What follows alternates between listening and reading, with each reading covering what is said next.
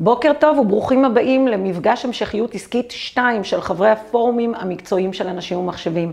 תודה שהייתם איתנו במפגש הראשון, היה מפגש מוצלח בצורה בלתי רגילה.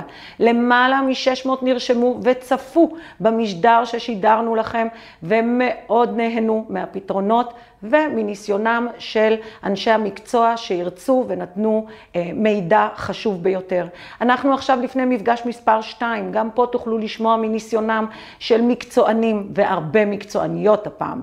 תהנו מהמפגש. תמשיכו ותירשמו גם למפגשים הבאים. אנחנו איתכם לאורך כל הדרך. אני נטלי מאנשים ומחשבים, שמחה שיכולה לפגוש אתכם שבוע אחר שבוע, וגם בפעם השלישית מיד אחרי הפסח. תודה רבה והמשך צפייה מהנה.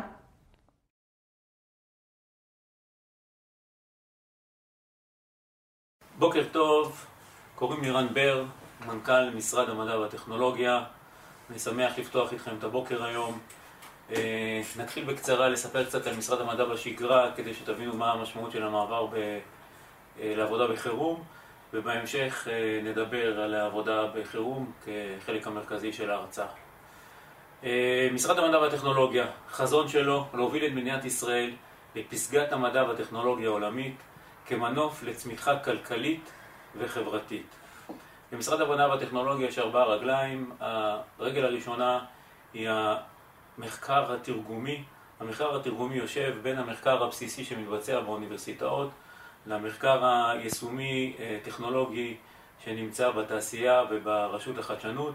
יש לנו אתגר מאוד מאוד גדול למצוא את המחקרים שיש להם פוטנציאל יישומי ולסייע להם, מה שנקרא בדד ואלי, להוביל אותם בדרך הזאת כדי שיצליחו להיות יישומיים. החלק השני של המשרד אה, מתעסק במינוף של הקשרים הבינלאומיים של מדינת ישראל בתחום המדע. אנחנו בעצם השאר של החוקרים אה, לשותפים אה, בעולם. החלק השלישי הוא הטמעת תרבות של מדע בארץ, מחד עידוד למצוינות ומאידך הנגשה של מדע לכל. הרגל הרביעית היא סוכנות החלל הישראלית שמתעסקת אה, החל מתעשייה אה, ועד אה, לסוגיות של חברה וחינוך. לפני שאני אתחיל במעבר לחירום, אז שווה לציין בפורום הזה שאנחנו באמת עסוקים בחודשים האחרונים בבניית מערכת מחשוב מרכזית וליבתית של המשרד שתנהל את כל תהליך אה, המחקרים, כל תהליך הקולות אה, אה, קוראים, משלב הפרסום, דרך הבחינה, חוות דעת מחו"ל, מעקבים ובקרות תקופתיות, תשלום וכולי, מערכת שמבוססת דינמיק CRM ופורטל חיצוני שמבוסס קוד פתוח, אחד מהדגלים שהנפנו במשרד. אה, והוא מאוד אה, חשוב לנו. המערכת הזאת אה, בהמשך תשב, אני מעריך, בכל, בכל יחידות המדענים, המדענים הראשיים במשרדי הממשלה. טוב, נעבור לתמונת מצב ואיך אנחנו התמודדנו במשרד עם המעבר לעבודה בחירום בקורונה. אז כמו בכל תהליך נכון, כדי לדעת אם אה, הצלחת או כדי לכוון את המאמצים למקום הנכון. מגדירים אה, מטרות ויעדים, ואנחנו הגדרנו ארבע מטרות מרכזיות. אחד, לאפשר רציפות תפקודית לכל הפעילות שעדיין נמצאת וקיימת ומתפקדת, בעיקר בסוגיית של מחקרים שעדיין קיימים, ולאפשר את היכולת לשלם לספקים עבור עבודה שעשו ומתבצעת כיום. אה, החלק השני, המטרה השנייה זה התגייסות למאבק, אנחנו נרחיב בהמשך. אה, המטרה הייתה לאתר וליזום מחקרים אקדמיים אה, בתחום הקורונה על כל המגוון של מדעי החיים והחברה. המטרה השלישית היא מעבר מפעילות רגילה שכולכם מכירים לפעילות אה, מקוונת, להסב את כל האוריינות אה, בקהילה לאוריינות דיגיטלית מקוונת בפרק זמן מאוד מאוד קצר, ונתנו פה גם דגש מיוחד על הגיל השלישי, והיעד והמטרה הרביעית היא היערכות אסטרטגית ליום שאחרי. ואנחנו פה במשרד, בכל ישיבת הנהלה שאני עורך, ועכשיו היא הפכה להיות ישיבת הנהלה מקוונת יומיומית, אנחנו מדברים על אתגרי היום ומה אנחנו עושים ליום שאחרי, מתוך הבנה שאנחנו משרד שותף חשוב לצמיחה ולמינוף המשק כשנצא מהשלב החירום הזה. בתוך הסוגיה הזאת, בפרק קצר מאוד עברנו לעבוד מהבית. האמת שאופי עבודתו של המשרד אפשרה לנו לעשות את זה יחסית בצורה מהירה. אנחנו משרד דינמי, צעיר, מוכוון טכנולוגיה, כך שלרוב המנהלים יש יכולת להתחבר בבית או ממחשב נייד שנמצא אצל מנהלים ודרג שהוא פחות בכיר יכול להתחבר דרך טרמינל, הזדהות חכמה של כרטיס חכם שכולכם מכירים ממשרדי הממשלה, כך שבתהליך מהיר עברנו לעבודה מהבית, אנחנו מדברים היום על כך שמעל ל-90% מהעובדים שהוגדרו כחיוניים מתוך ה-30% בעצם מבצעים את עבודתם מהבית, באמת כמעט, כמעט ללא הפרעות. זה מחייב כן להיכנס לשגרה, לעבוד מתוך הבית, זה לא פשוט לעובד עצמו. נכנסנו שגרות עבודה, כמו שציינתי, אחת מהן זה באמת הסוגיה של ישיבות מסודרות עם כלים מקוונים, דיווחים מסודרים, הצבת יעדים ומשימות שבועיות, יומיומיות, ואני יכול להגיד שזה עובד מצוין. כמו שאמרתי, אנחנו יזמנו פנייה, יצאנו בקול קורא מהיר מאוד לקהילה המדעית בארץ, כדי שתסייע במחקרים מהירים, שזה לא דבר רגיל, אנחנו מדברים על שבועות וחודשים ספורים, לסייע בכל הרבדים של מחקרים שקשורים לקורונה, החל ממדעי החיים, דרך איתור וכלה במציאת חיסון וכל הדברים שמאפיינים את האתגרים שיש לנו במחלת הקורונה מצד מדעי החיים ומהצד השני, כל מה שקשור למדעי החברה. אחד, זה התמודדות בחירום, מה שאנחנו עושים עכשיו, עם קהלים מגוונים ואיך אנחנו יוצאים כמדינת ישראל בצורה נכונה, טובה ומהירה למעבר לשלב הבא.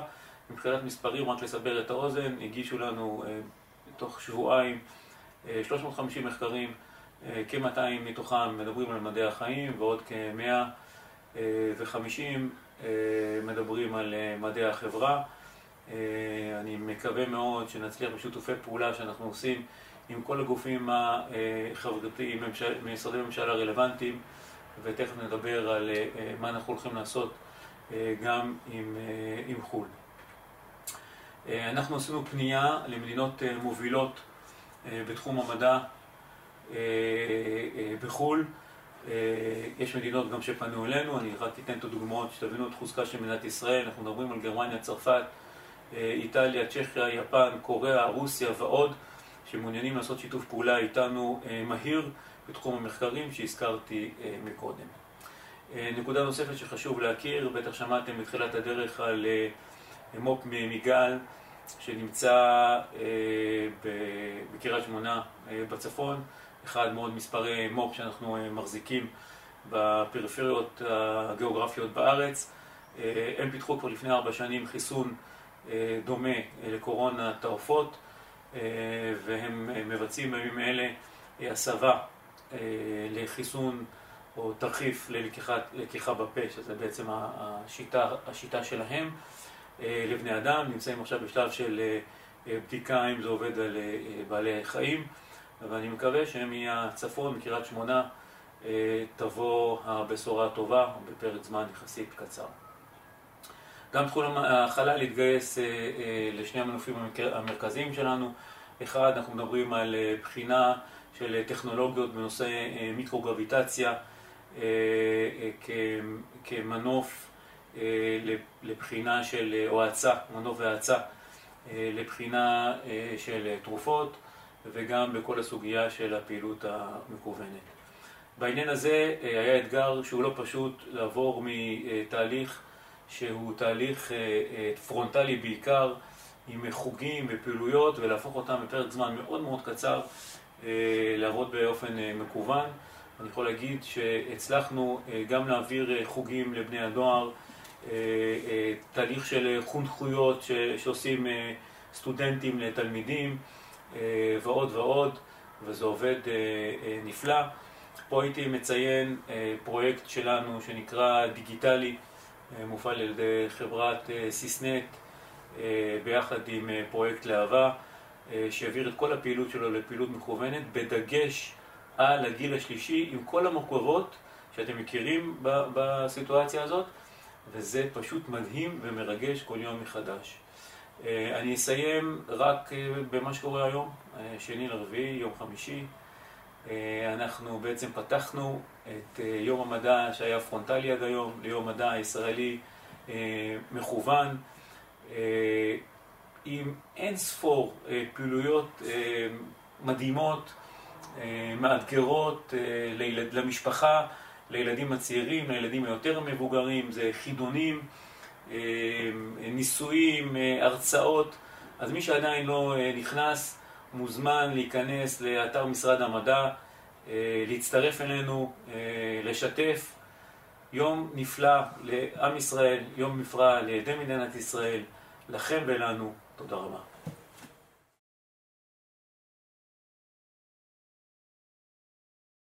שלום לכם.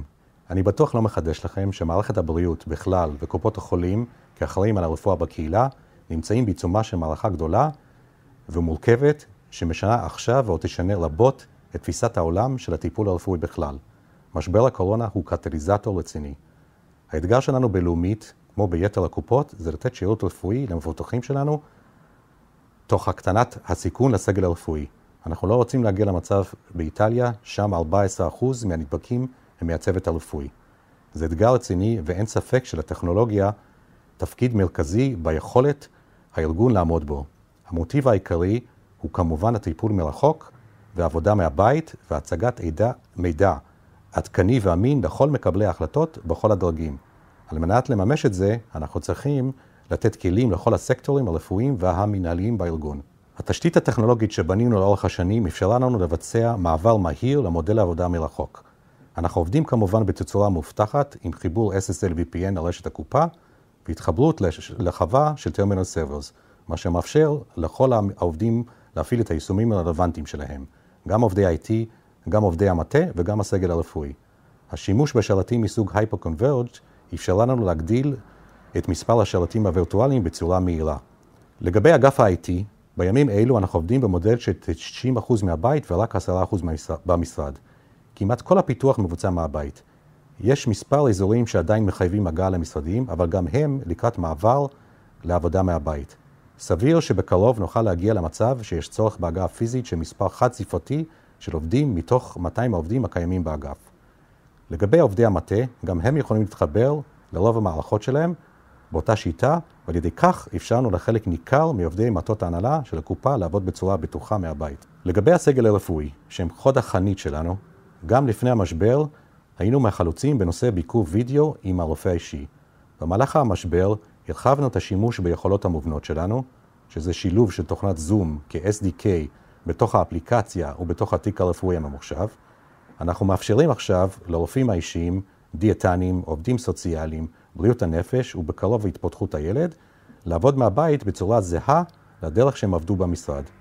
אנחנו כבר רואים את, המגמ... את השינוי של המגמה במספרים. לדוגמה, מספר מפגשי הטלמדיסין בווידאו שילש את עצמו לעומת התקופה שלפני המשבר.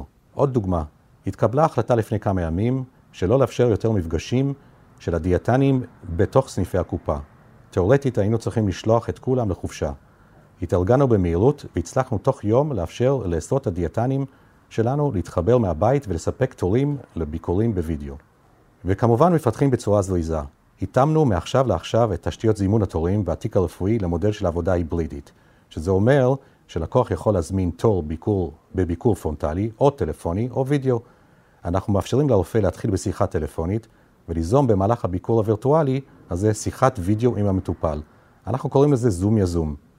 ואנחנו גם עובדים עם חברות חיצוניות על מנת לספק פתרונות מהירים, למשל ניטור מרחוק של חולים מאומתים. אז תודה לכם על ההקשבה, אני, אני מאוד מקווה שניפגש בקרוב, אבל בתקופה משעממת יותר.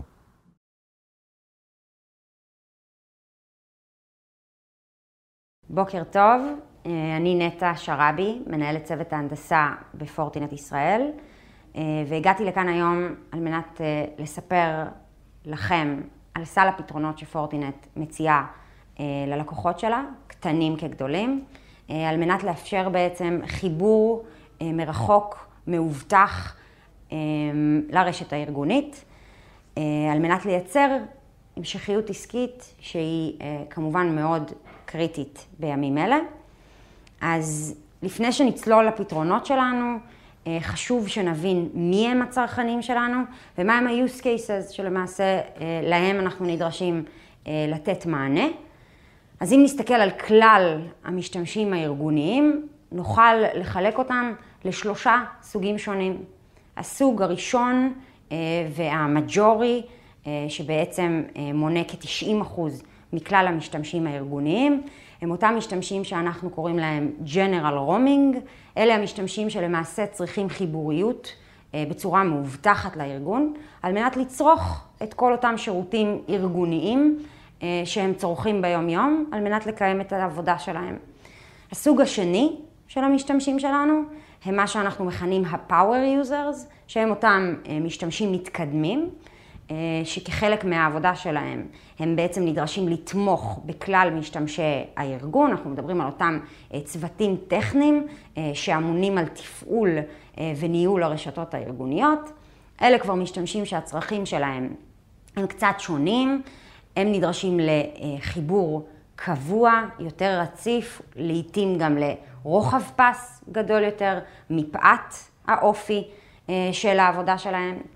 והסוג השלישי, או הקבוצה השלישית של המשתמשים, ה super users, אותם משתמשים שהם למעשה מנהלי ה-IT של הארגון, מנהלי התשתיות, מנהלים בכירים בכלל בארגון, שהם כבר הצרכנים הכבדים יותר, שלהם יש דרישות גבוהות יותר, כגון חיבור אמין, רציף, לפרק זמן ארוך יותר, ב volume גדול יותר, וכמובן מאובטח בצורה המקסימלית. אז מה בעצם לפורטינט יש להציע עבור כל אותם סוגי המשתמשים? אז אם ניקח לדוגמה את ה-use case הראשון, שמכסה את מרבית המשתמשים, את 90% מהמשתמשים שלנו, אז הפתרון שאנחנו מציעים בעצם משלב את ה-FortiGate שלנו, את ה-Firewall, שהוא משמש כ-VPN Gateway, שיושב בכניסה לארגון, בשילוב עם ה-FortiClient שלנו. ה-FortiClient זה בעצם ה-agent שאנחנו מתקינים על תחנת הקצה של אותו משתמש ביתי. שמגיע בשתי גרסאות. גרסה אחת רזה, מצומצמת, חינמית לחלוטין, שמכילה רק את המודל של ה-Remote Access, זמינה להורדה מהאתר שלנו בכל עת. וכמובן יש את הגרסה המורחבת יותר, שהיא מצריכה רישוי, אבל נותנת שלל יכולות והמון מודולים נוספים, כגון Web Filtering, Application Control, Malware Protection מלא. ו-Fabric Agent. הגרסה הזו גם מאפשרת לכם לנהל באופן מרכזי את כלל הקליינטים בארגון, כשהמטרה בסופו של דבר היא לייצר איזשהו טאנל מוצפן, SSL או IPSec מתחנת הקצה של המשתמש שנמצא בבית ועד לרשת הארגונית בעצם, כדי שהוא יוכל לעבוד כאילו הוא היה במשרד. כחלק מהפתרון הזה, או בתוספת לפתרון הזה, ועל מנת להוסיף עוד נדבך של אבטחת מידע, אנחנו מציעים גם את הפורטי טוקן שלנו לאימות דו-שלבי. ה-40 טוקן הוא למעשה הרכיב שמג'נרט את ה-one time password, הסיסמה החד פעמית שהמשתמש יתבקש להקיש בכל פעם שהוא ירצה לגשת לארגון, בנוסף למשתמש וסיסמה הארגוניים שלו, על מנת בעצם למנוע מצב שיש לנו בו משתמש זדוני, שהצליח להשיג את ה user והסיסמה של אותו עובד לגיטימי, להתחבר לרשת, לגנוב או להזיק למידע שנשמר בארגון.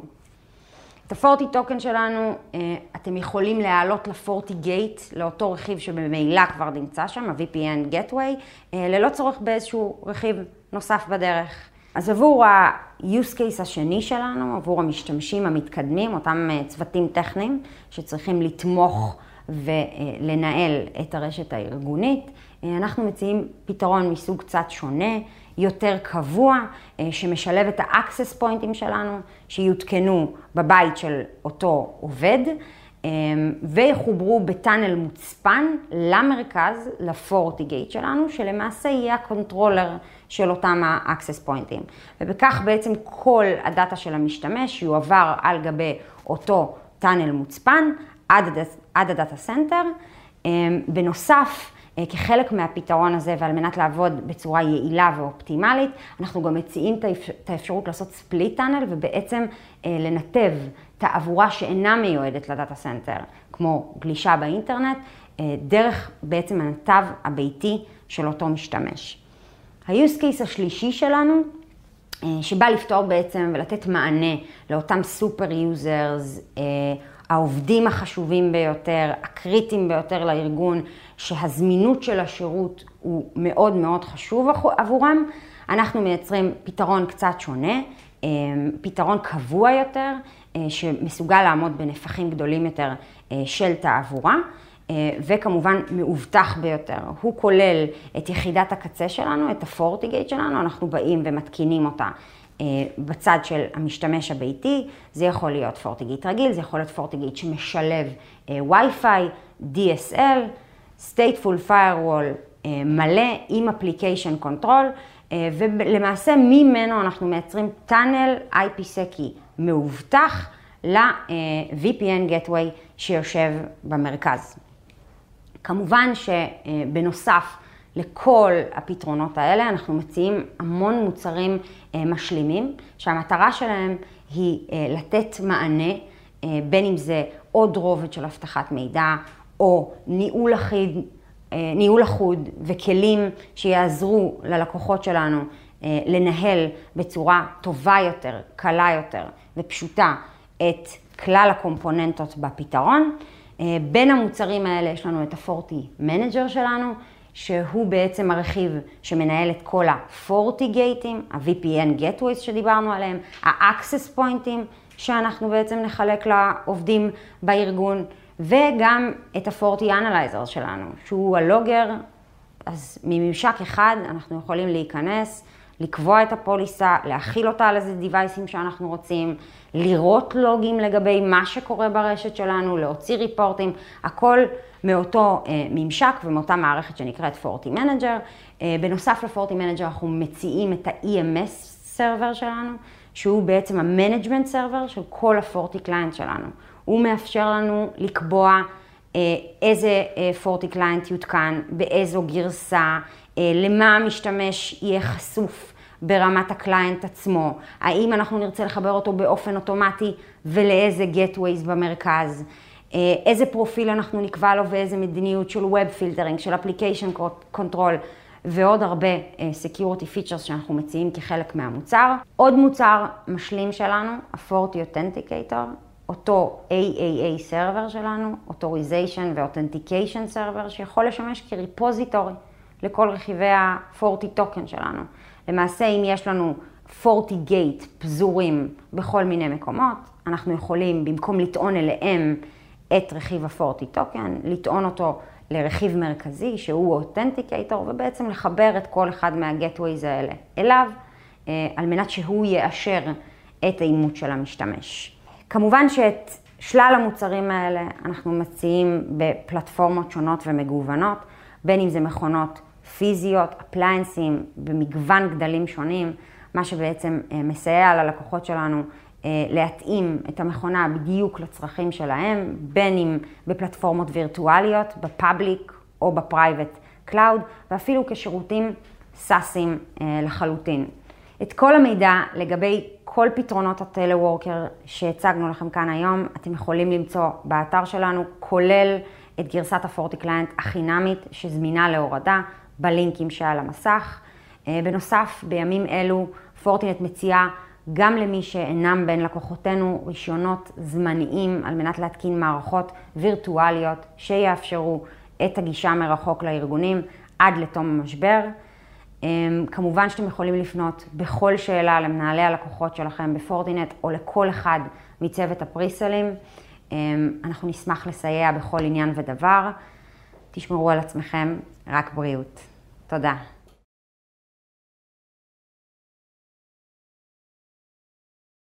שלום, אני רונית רובין ואני הפרזידנט של EMEA, מנהלת את הפעילות של All Cloud ב EMEA בשלוש וחצי שנים האחרונות. אני רוצה לקחת את ההזדמנות במציאות שנכפתה עלינו ושכולנו בעצם עובדים מהמשרד הביתי שלנו ולא מהמשרדים של החברה ולשתף אתכם דרך הסיפור הפרטי שלנו כ-All Cloud, איך ארגון שהוא ארגון שהוא Cloud Native בעצם ממשיך לעבוד ולתפקד ולשרת את הלקוחות שלו בתקופה המאתגרת והמורכבת הזאת ודרך הסיפור הפרטי שלנו בעצם לעזור ללקוחות שלנו לעשות את המסע שלהם.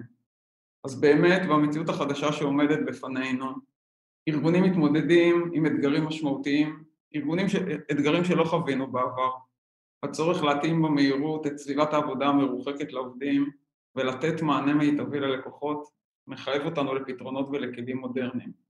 בדקות הקרובות בעצם אני קצת אספר לכם עלינו ועל התפיסה הרחבה שלנו, על סל הפתרונות והשירותים שאנחנו מציעים ללקוחות שלנו וללקוחות פוטנציאליים לצרוך במהירות כדי לאמץ כלים ושיטות להתאים את עצמם למציאות ולצלוח את המשבר וכמובן בנימה אופטימית לקוות שכולנו ביחד נצא מהמשבר הזה מהר ומחוזקים.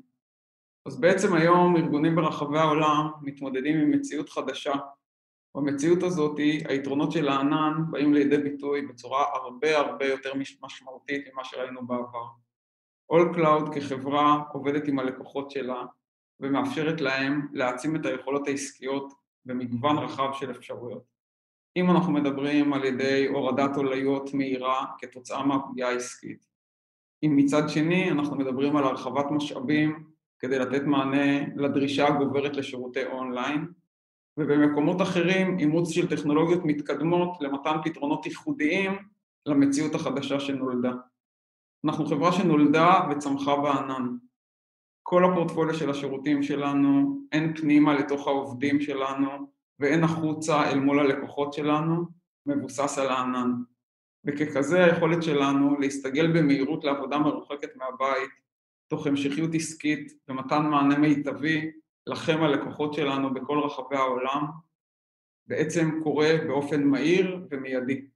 אני יכולה לשתף שבעצם לפני מספר שבועות, כמו על כולכם, גם עלינו בעצם, התהפכה בעצם המציאות.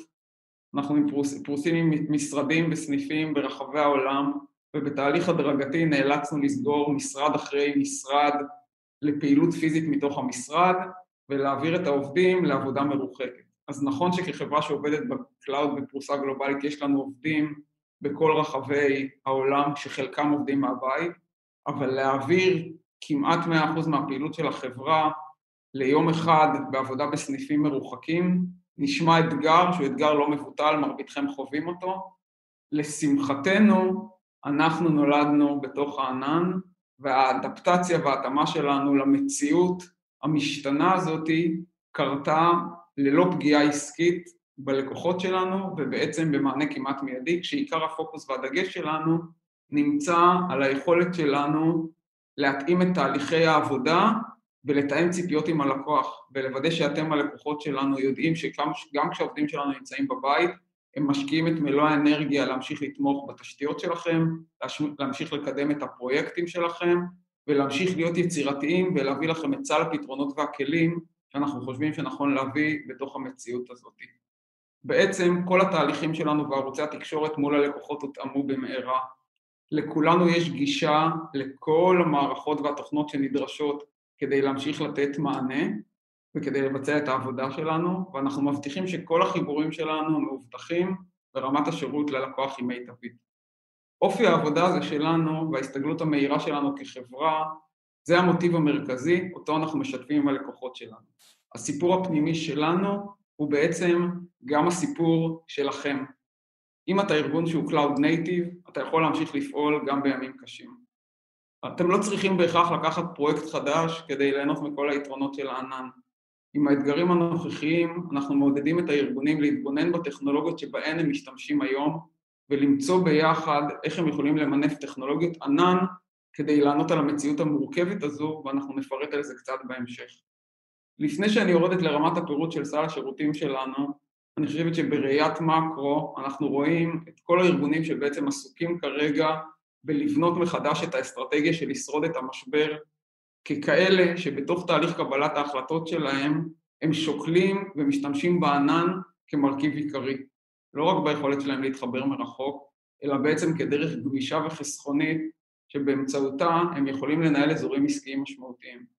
אם יורשה לי לומר, כשכולנו נעבור את המשבר הזה, ואנחנו מקווים שזה יהיה בקרוב, אני באמת ובתמים מאמינה שאותם ארגונים שמאמצים את טכנולוגיות הענן כדי להתגבר על האתגרים החדשים, הם אלו שיובילו את המשק בעתיד. אז נעבור קצת לשאול את עצמנו כיצד אולקלוד יכולה לעזור לכם לסייע לעובדים לעבוד מהבית ובעצם להמשיך לשרת את הלקוחות שלכם. אז יש לנו מגוון של סלים, של סל פתרונות ושירותים, מתחיל כמובן מכל הנושא שכולנו מדברים עליו, שזה הגדרת פתרונות של שולחן עבודה מרוחק עבור הלקוחות. כל כך הרבה עובדים מצאו את עצמם בן לילה מחוץ למשרדים שהם רגילים אליהם, בלי גישה למערכות המקומיות שלהם, הפרודוקטיביות שלהם צונחת, וכאן אנחנו באים לעזור לכל אותם ארגונים לנצל את תחנות העבודה שמבוססות ענן או פתרונות וירטואליים מרוחקים. בעצם מדובר בסביבות מחשב וירטואליות שניתנות להגדרה במהירות, ניתן לגשת אליהן על ידי כל מכשיר בכל מקום שיש בו קישור לאינטרנט. העובדים יכולים לגשת לכל משאב שהם יכלו לגשת אליו כאילו הם היו במשרד, ובעצם היתרון המשמעותי הוא שנתוני הארגון נשארים מבודדים ומוגנים באופן מלא, אתם יכולים להבטיח שכוח העבודה המרוחק שלכם לא יפר את מדיניות האבטחה. אפשרויות נוספות במציאות שבה אתם מתכווצים בכמויות כוח האדם, אתם צריכים מענה לניתוחי דאטה כדי לקבל החלטות עסקיות חשובות, הארגון שלכם זקוק לצוות טכני זמני, יכול להיות שאתם עסוקים בפרויקטים שאמורים לקדם דברים שקשורים לסיטואציה, אנחנו יכולים לסייע לכם בכל אחד מהאזורים שבהם אתם, אתם צריכים הרחבה, שדרוג, DevOps, איש דאטה, אנחנו זמינים לכם בכל אחת מהחלופות האלה. הרבה מאוד ארגונים נקלעו לתוך המציאות הזאת כשהם כבר נמצאים בתוך הענן, והיתרון המשמעותי הוא שאם אנחנו מתמודדים עם צניחה בפעילות העסקית או גידול, לשמחת מי שנמצא במקום הזה בפעילות העסקית, ה scale up ו scale down בעולמות של ה cloud הוא מאוד מהיר. צוותי ה FinOps שלנו יושבים על כל נתוני החשבונות של הלקוחות שלנו ומבצעים פנייה פרואקטיבית. גם מי שלא לקוח שלנו מוזמן לפנות ולהתייעץ, ואנחנו עוזרים ל-redesign, re-architecture, לעשות דברים שבעצם יעזרו לכם לצלוח בצורה פיננסית מנוהלת את תקופת המשבר. ארגונים מוצאים את עצמם במציאות הזאת כשהמשרד לא זמין והם צריכים לתת מענה גם ללקוחות שלהם ברמה הגלובלית וגם לעובדים שלהם עם צורך ב instant global call center. אז אנחנו עבור העובדים שלכם ועבור הלקוחות שלכם יודעים להשיק שירות מוקד טלפוני בלתי מאויש באמצעות מערכת Amazon Connect.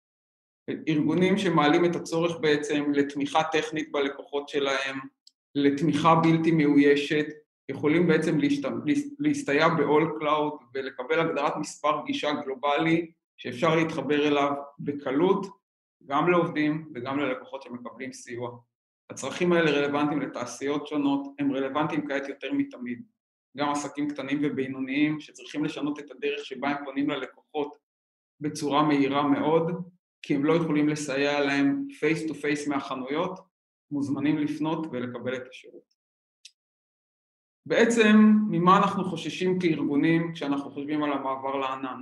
אז כולנו מכירים את זה שבסביבה הדינמית הנוכחית אנחנו חושבים על מהירות, על אבטחה ועל עלות. ונשאלת השאלה כמה מהר אפשר להקים סביבת ענן תוך שמירה על אבטחה וניהול כספי מיטבי. אז ארגונים שרוצים להגדיר את כוח העבודה המרוחק שלהם בצורה מאובטחת, זה מתאפשר תוך דקות. עם שימוש במגוון שירותי הענן כמו ה console של AWS, אתם יכולים להרשות לעצמכם עמדות עבודה זמינות בפרק זמן קצר מאוד. אנחנו גם נעזור לכם ליהנות ממודל התמחור לפי דרישה של מחשוב ענן. אתם משתמשים ומשלמים רק עבור מה שאתם צריכים, ובמידת הצורך יכולים לכבות.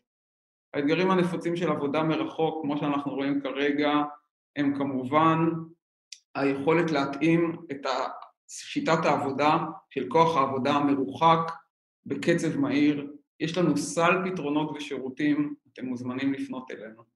אתגר נוסף מתייחס לארגונים שיש להם מרכז מענה ללקוחות, call center, שנשען על שולחנות עבודה ועל טלפונים משותפים. ברור לנו שהמעבר לנתיב המהיר להבטיח גישה מאובטחת למסד הנתונים של הלקוחות נראה כמשימה מפחידה, אבל היא אפשרית דרך הענן. אם אני רוצה לסכם את זה, אז אני חושבת שנכפתה עלינו מציאות.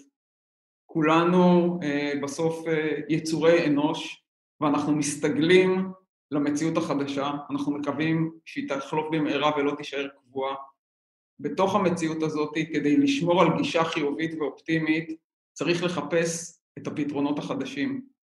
אנחנו נמצאים איתכם כדי לעזור לכם, אנחנו שומרים עם העובדים שלנו על אנרגיה חיובית, אנחנו יודעים שהמקום של הענן הוא זה שיאפשר לכולנו כארגונים לצלוח את התקופה הזאת בצורה מנוהלת, אג'ילית ועם פנים לעתיד שהוא עתיד מבטיח. אני מאחלת לכולנו בריאות שלמה, חג פסח שמח, ושבמהרה נוכל להיפגש פנים מול פנים ולא דרך המצלמות שמטשטשות לפעמים את ההוויה הארגונית. אז תודה לכולם.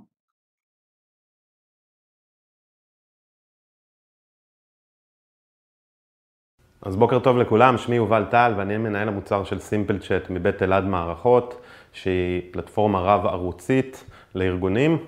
אמ, דבר ראשון, בימים הלא פשוטים שאנחנו עוברים, אני מאחל לכולם שיעברו אותם אה, בהצלחה ובבריאות.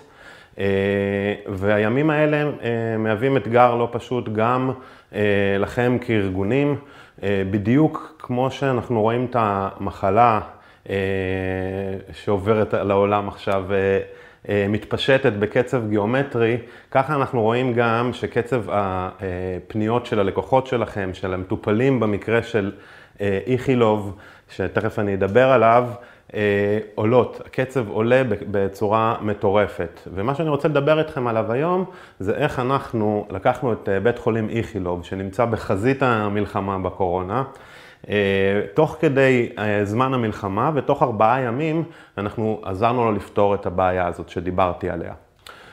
והפתרון אה, הוא להנגיש שירות בערוצים דיגיטליים.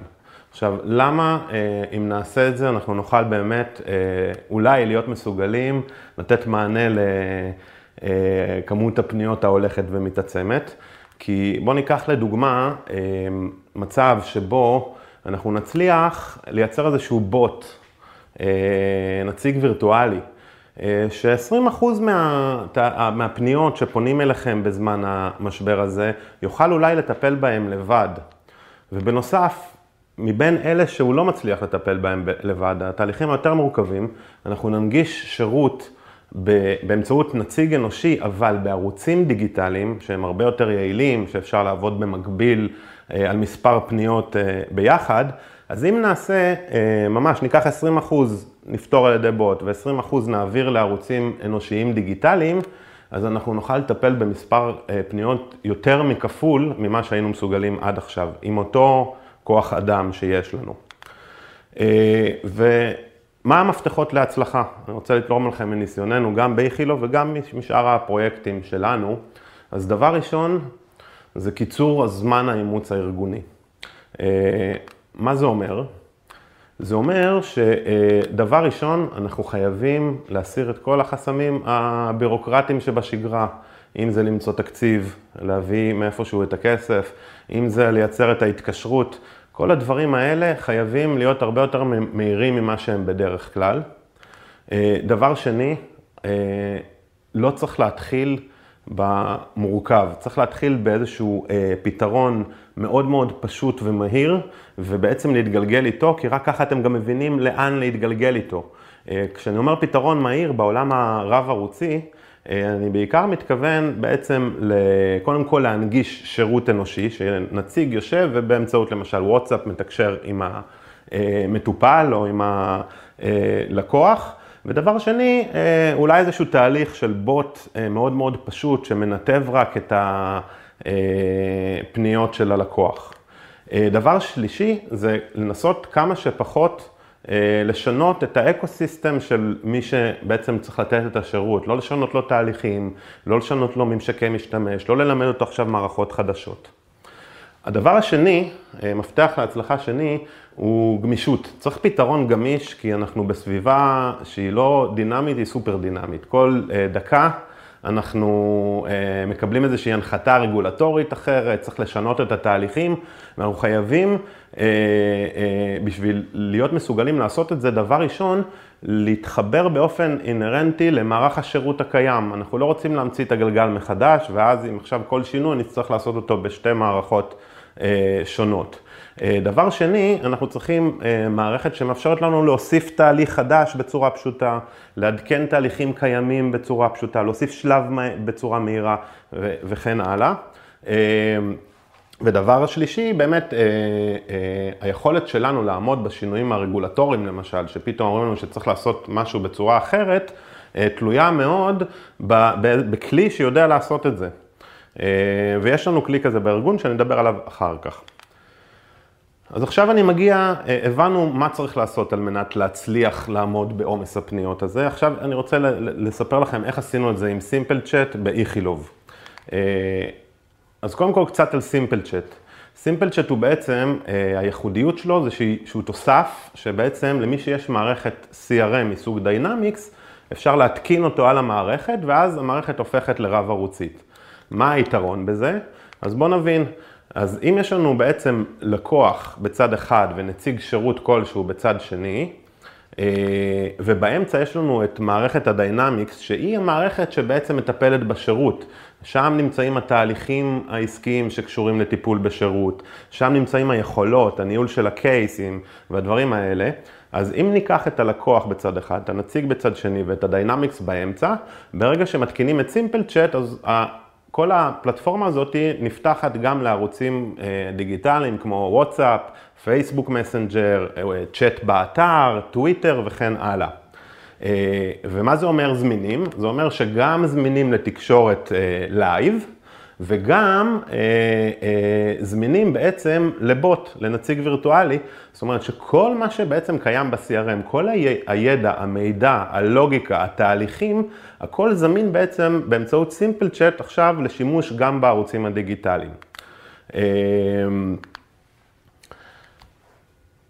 בנוסף, העובדה שסימפל צ'אט יושב בתוך ה-CRM בעצם מאפשר לנו גם לאמץ את היכולות של ה-CRM. ה-CRM היא מערכת שנועדה בעצם לטפל בשירות.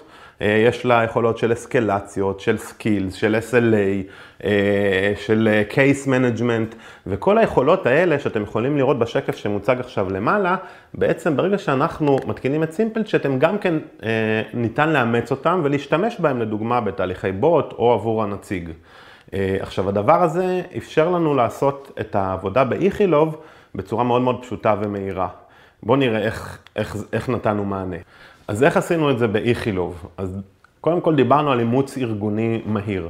אז דבר ראשון, כל העניין של הסרת החסמים הבירוקרטיים, של התקציב, של ההתקשרות, פה זה בכלל לא קשור לסימפל צ'אט, אני חייב פשוט לציין לשבח את, את כל הנהלת איכילוב ואת כל החבר'ה שם, שפשוט לקחו את זה בשתי ידיים, דחפו את זה, מצאו, מצאו תקציב, ומה שלא הצלחנו לעשות חצי שנה לפני הקורונה, עשינו ב, ביום אה, כעת.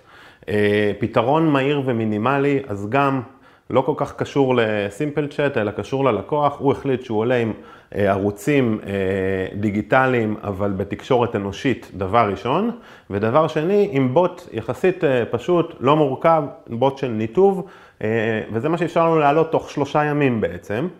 ודבר שלישי, אמרנו שימור ה-ecosystem הקיים, אז בעצם הנציג שיושב מול ה-CRM לא צריך עכשיו ללמוד מערכת אחרת. סימפל אה, צ'אט נמצא בתוך ה-CRM, הוא מכיר כבר את התהליכים של ה-CRM, הוא מכיר כבר את הממשק משתמש של ה-CRM, והאימוץ על ידי נציגי השירות, גם אם הם יושבים בבית בכלל, אה, הוא הרבה הרבה יותר פשוט, וזה אה, קריטריון מאוד מאוד חשוב לאימוץ מהיר. הגמישות שדיברנו עליה. אז עוד פעם, העובדה שסימפל צ'אט יושב בתוך ה-CRM, אה, בעצם מאפשר לנו להיות אדיש לכל מה שקורה ברמת תהליכי השירות. זאת אומרת, אם יהיה עכשיו שינוי או משהו שצריך לעשות לו אדפטציה, אה, אז הוא יתבצע ב-CRM וסימפל צ'אט כבר יכיר אותו באופן שקוף. ואני לא אצטרך בעצם ליישם את האדפטציה הזאת גם במערכת אה, רב-ערוצית שמנותקת מה-CRM. אה, עדכון אה, והוספת תהליכי בוט מהירים, אז עוד פעם, אנחנו עם סימפל צ'אט אה, מאמצים את מנגנון ה-workflow ובניית התהליכים של ה-CRM עצמו, ובצורה שהיא ללא קידוד קודלסית, אנחנו יכולים לייצר או לעדכן תהליכים בצורה ממש ממש פשוטה, למעשה הלקוח יכול לעשות את זה בעצמו, אתם יכולים לעשות את זה בעצמכם ולא צריכים אותנו או איזשהו גוף פיתוח. וחיבור אינהרנטי למערכות השירות הקיימות, אז עוד פעם, בגלל שסימפל צ'אט יושב בתוך ה-CRM, אז CRM הוא הליבה של מערך השירות של ארגון, אה, ובעצם סימפל צ'אט מכיר את הליבה הזאת, ואנחנו לא צריכים עכשיו להתחיל להשקיע באינטגרציות או בחיבור של מערכת אחרת לליבה הזאת בכל פעם שיש שינוי. אה, אז זהו, ככה, זה מה שאפשר לנו לעשות את זה באיכילוב באמת בשלושה ימים. ביום שבת קיבלנו אה, PO, ביום רביעי כבר אה, בבוקר כבר עלינו לאוויר. אנחנו כאן גם בשבילכם, אם זה משהו שרלוונטי, מי שיש לו Dynamics, בהחלט מוזמן לפנות אליי, הפרטים שלי וגם של ניר נמצאים מולכם כרגע במצגת. תודה רבה ובהצלחה לכולם.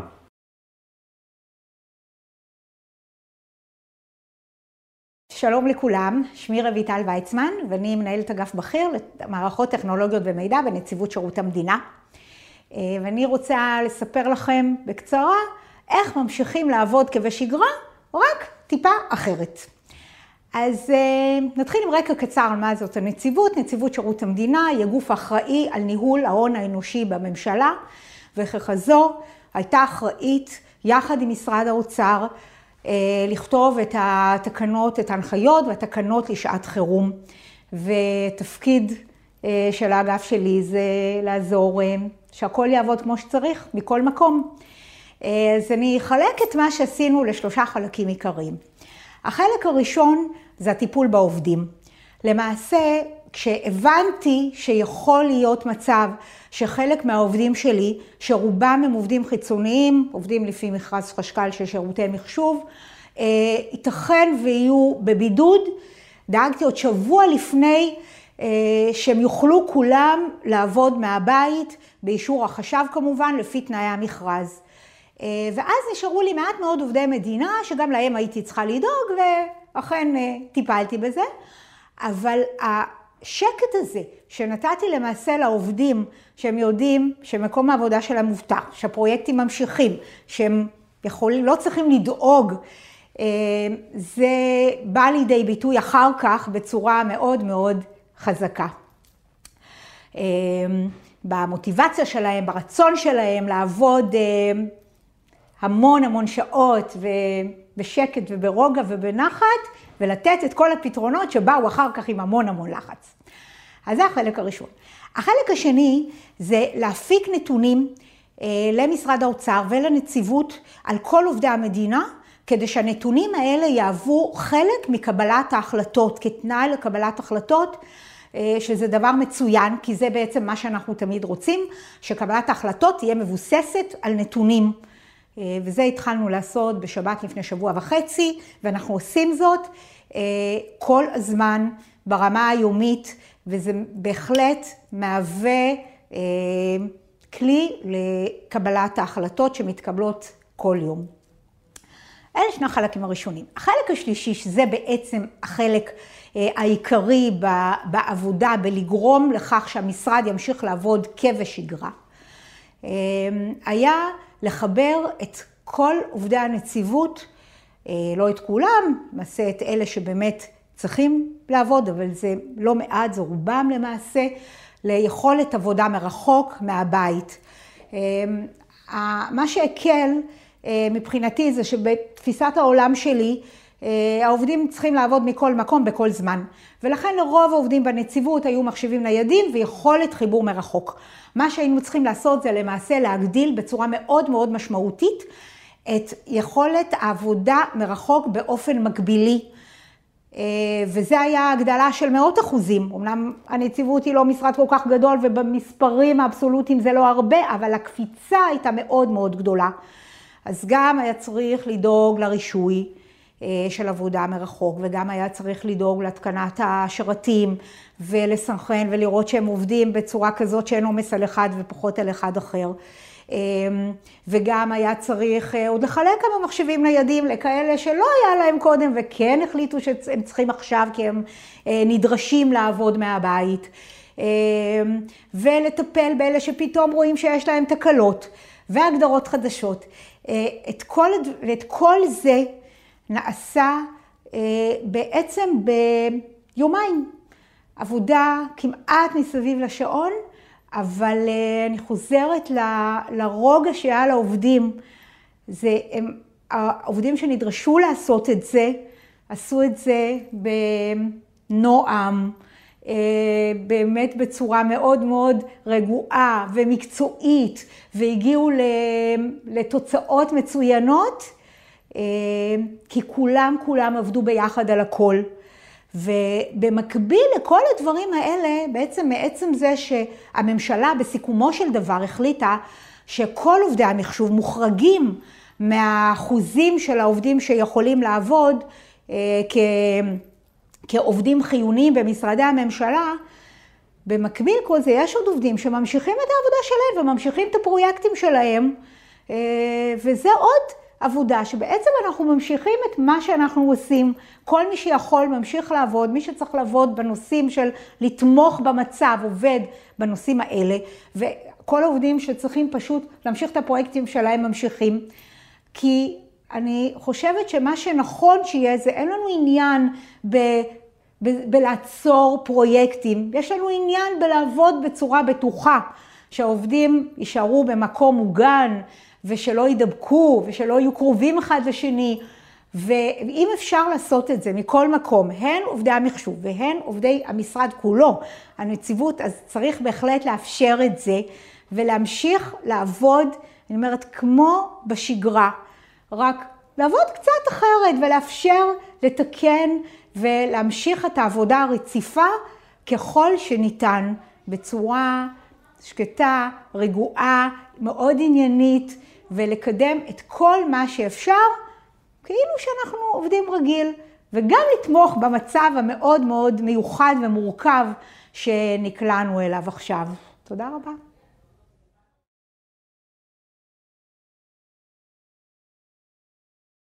בוקר טוב. איתי זימן, סמנכ"ל טכנולוגיות אה, ברינקס ישראל. ברינקס בשנים האחרונות אה, חלה מהפך בברינקס. אה, אנחנו עברנו לאט לאט מהמודל שעד היום היינו מתעסקים בהובלת כסף ועוד כל מיני דברים שהם, דברים שהם פיזיים של הכסף. בשנים האחרונות חלנו, חל בנו מהפך טכנולוגי. היום רק 25% מה, מה הפעילות שלנו זה הפיזית ההובלה של הכסף, וכל שאר הפעילות שלנו זה מכפלות אה, טכנולוגיות. אנחנו מכניסים אה, מגוון אה, שירותים למשק, עוד מעט אני אדבר עליהם, ואז גם נבין איך, איך זה משפיע על הנושא של ההיערכות שלנו עכשיו לזמן הקורונה, לזמן משבר הקורונה. למעשה, למעשה ברינקס מונה מעל 700 עובדים, מעל 100 צוותים עם שריוניות, 80 צוותים עם רכבים רכים לטיפול במכשירים וטיפול בתקלות, בכספומטים. חמישה מרכזים אה, לוגיסטיים, משרדים שפזורים בכל הארץ, ואנחנו מגיעים אה, פיזית לכל הארץ, מאילת עד קריית שמונה וצפונה. ועכשיו נדבר על אה, פתרונות.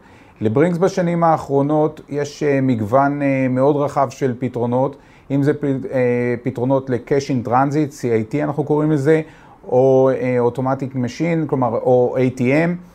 אמ, ש-ATM זה כל הכספומטים למעשה, אמ, ושזה היה לנו גם בעבר. בשנים האחרונות נכנסנו לעוד אה, שווקים, שזה כספות חכמות שאנחנו שמים בבתי עסק, ולכן כל בית עסק שאין לו בנק קרוב או אין לו שירותים של בנק קרוב, יכול להכניס כספת חכמה לבית העסק, ולמעשה אנחנו נותנים לו שירותים, ואז אה, אנחנו לא צריכים להגיע לאסוף כל משמרת או דבר כזה, אנחנו מגיעים לפי, אנחנו מגיעים לפי האחריות שלנו ולפי ה-liability של אותו אה, לקוח.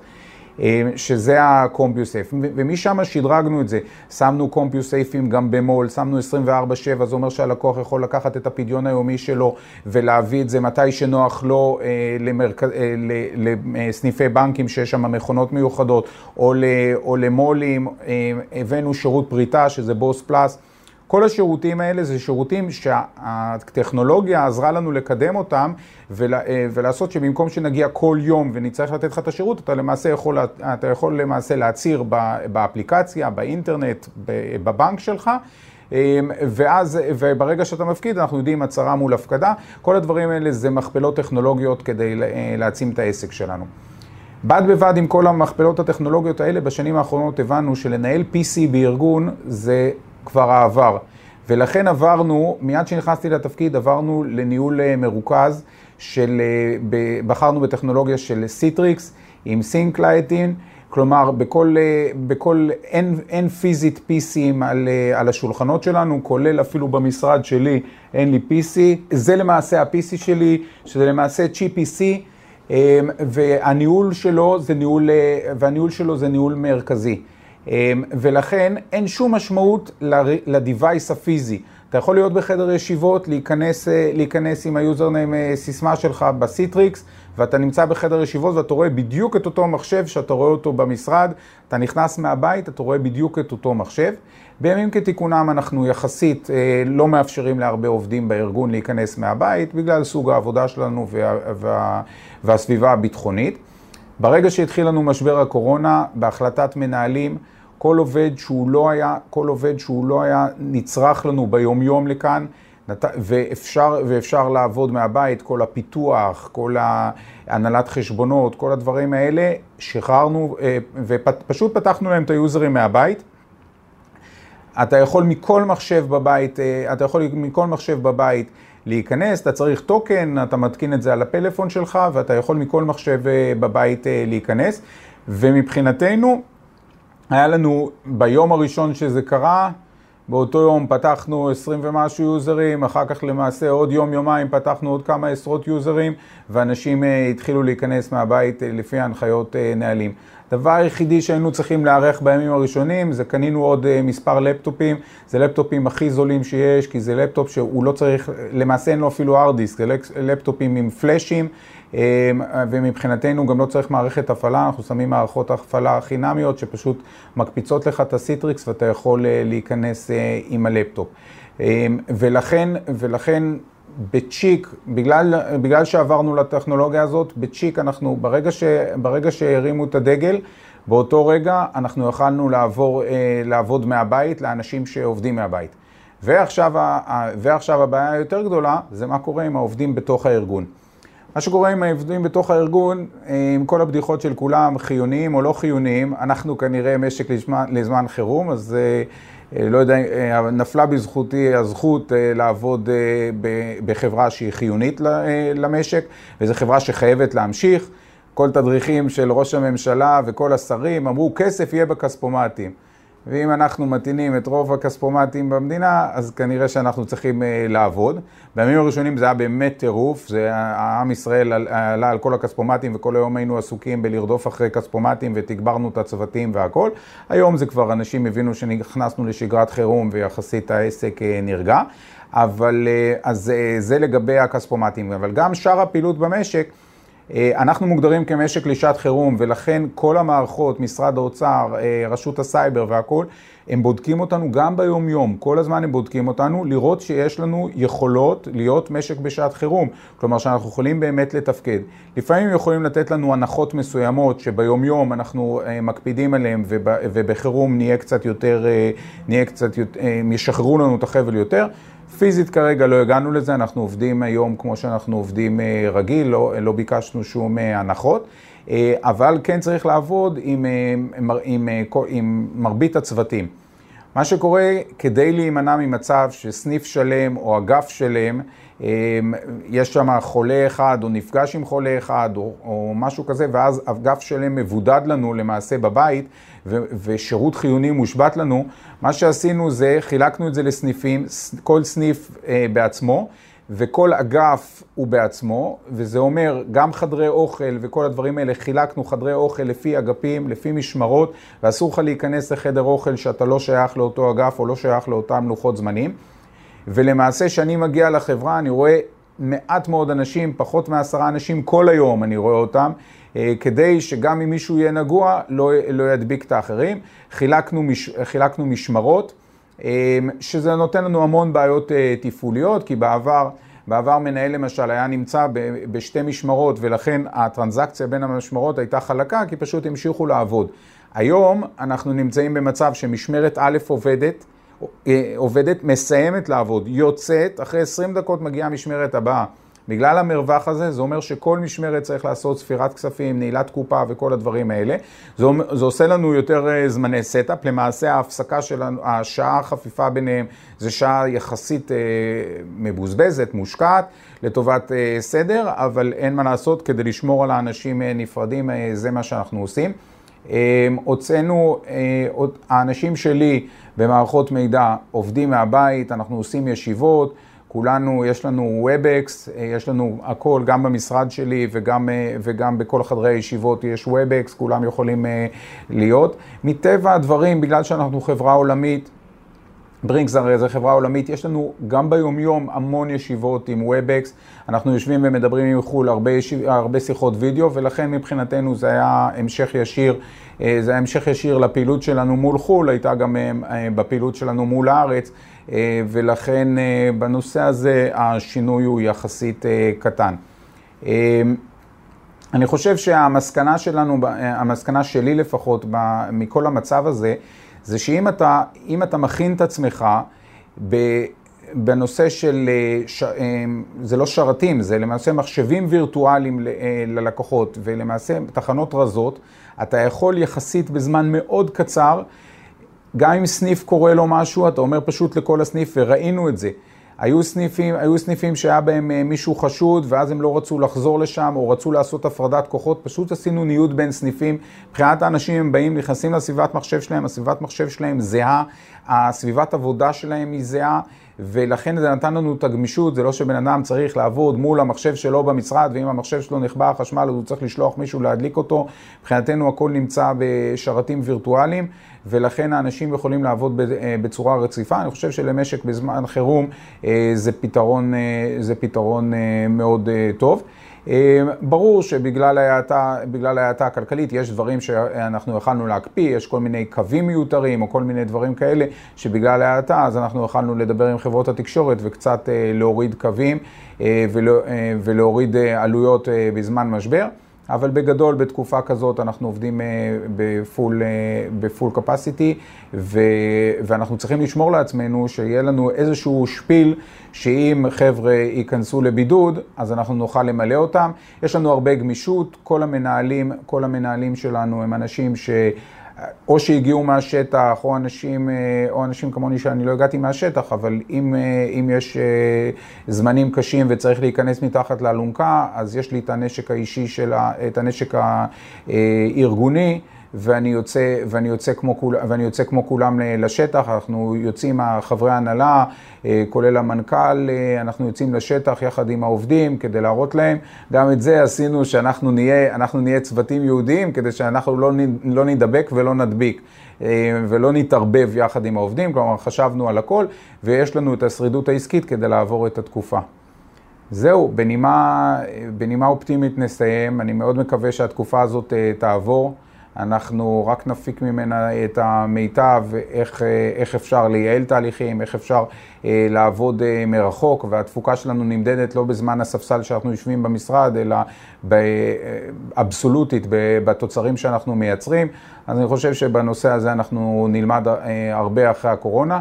אה, דבר שני, אנחנו מבחינתנו הרווחנו, בגלל שאנחנו משק לשעת חירום, אז אה, מבחינתנו היה תרגולת מאוד טובה. אה, גם מבחינת הרשויות, זה תרגולת מאוד טובה להם לקבל ביטחון עצמי, שבאמת בזמן חירום, בזמן חירום כל המערכות של הבנקים שאנחנו מתפעלים וכל הכספומטים יעבדו. אז אני חושב שבנושא הזה בנינו את הביטחון עצמי שלנו ושל, ושל הגופים שאחראים עלינו, ואני חושב ש... למדנו מספיק, אז אני מקווה מאוד שבזמן הקרוב אה, זה יסתיים והמשבר יסתיים ואנחנו נוכל אה, לחזור לחיים אה, רגילים. אז בברכת חג פסח כשר ושמח, ואני מקווה שהמשבר יסתיים. כל טוב.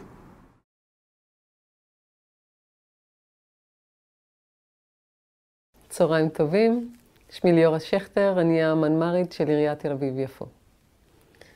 אז וירוס הקורונה מחייב אותנו להיערכות שונה לחלוטין מעבודת היום-יום. וזה בא לידי ביטוי בשלושה דברים עיקריים.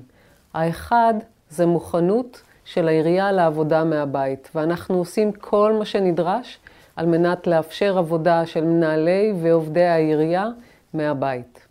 הדבר השני, זו הייתה הזדמנות עבורנו, אבל אנחנו הכנסנו כלי וידאו קונפרנס חדש לעירייה.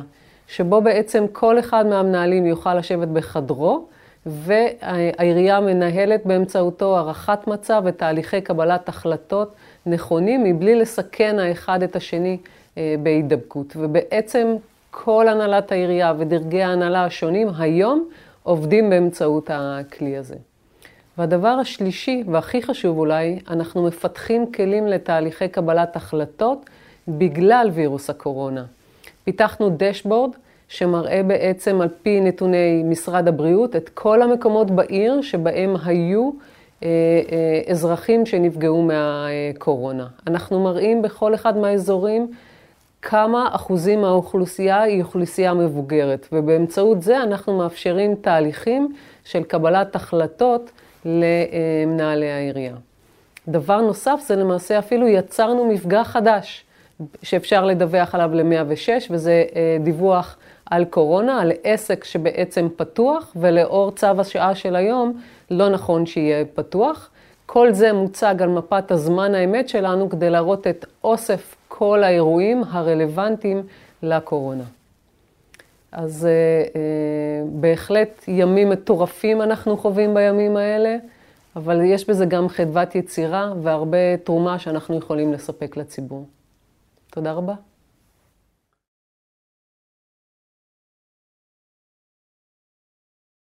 שלום לכולם, אה, אני עופר אמיתי, המנכ"ל ואחד מהמייסדים של חברת פורט נוקס.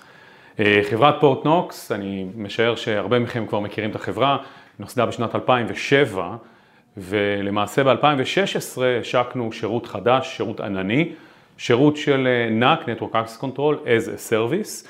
אה, ואני היום אה, כאן כדי לספר לכם עליו ולספר איך בעצם השתמשנו בשירות הזה כדי לעזור לכל מיני ארגונים להגן על עצמם ולהעביר את אה, מרכז השירות שלהם לעבודה מרחוק ולהגן על אותו חיבור מרחוק על ידי, בעזרת השירות שלנו.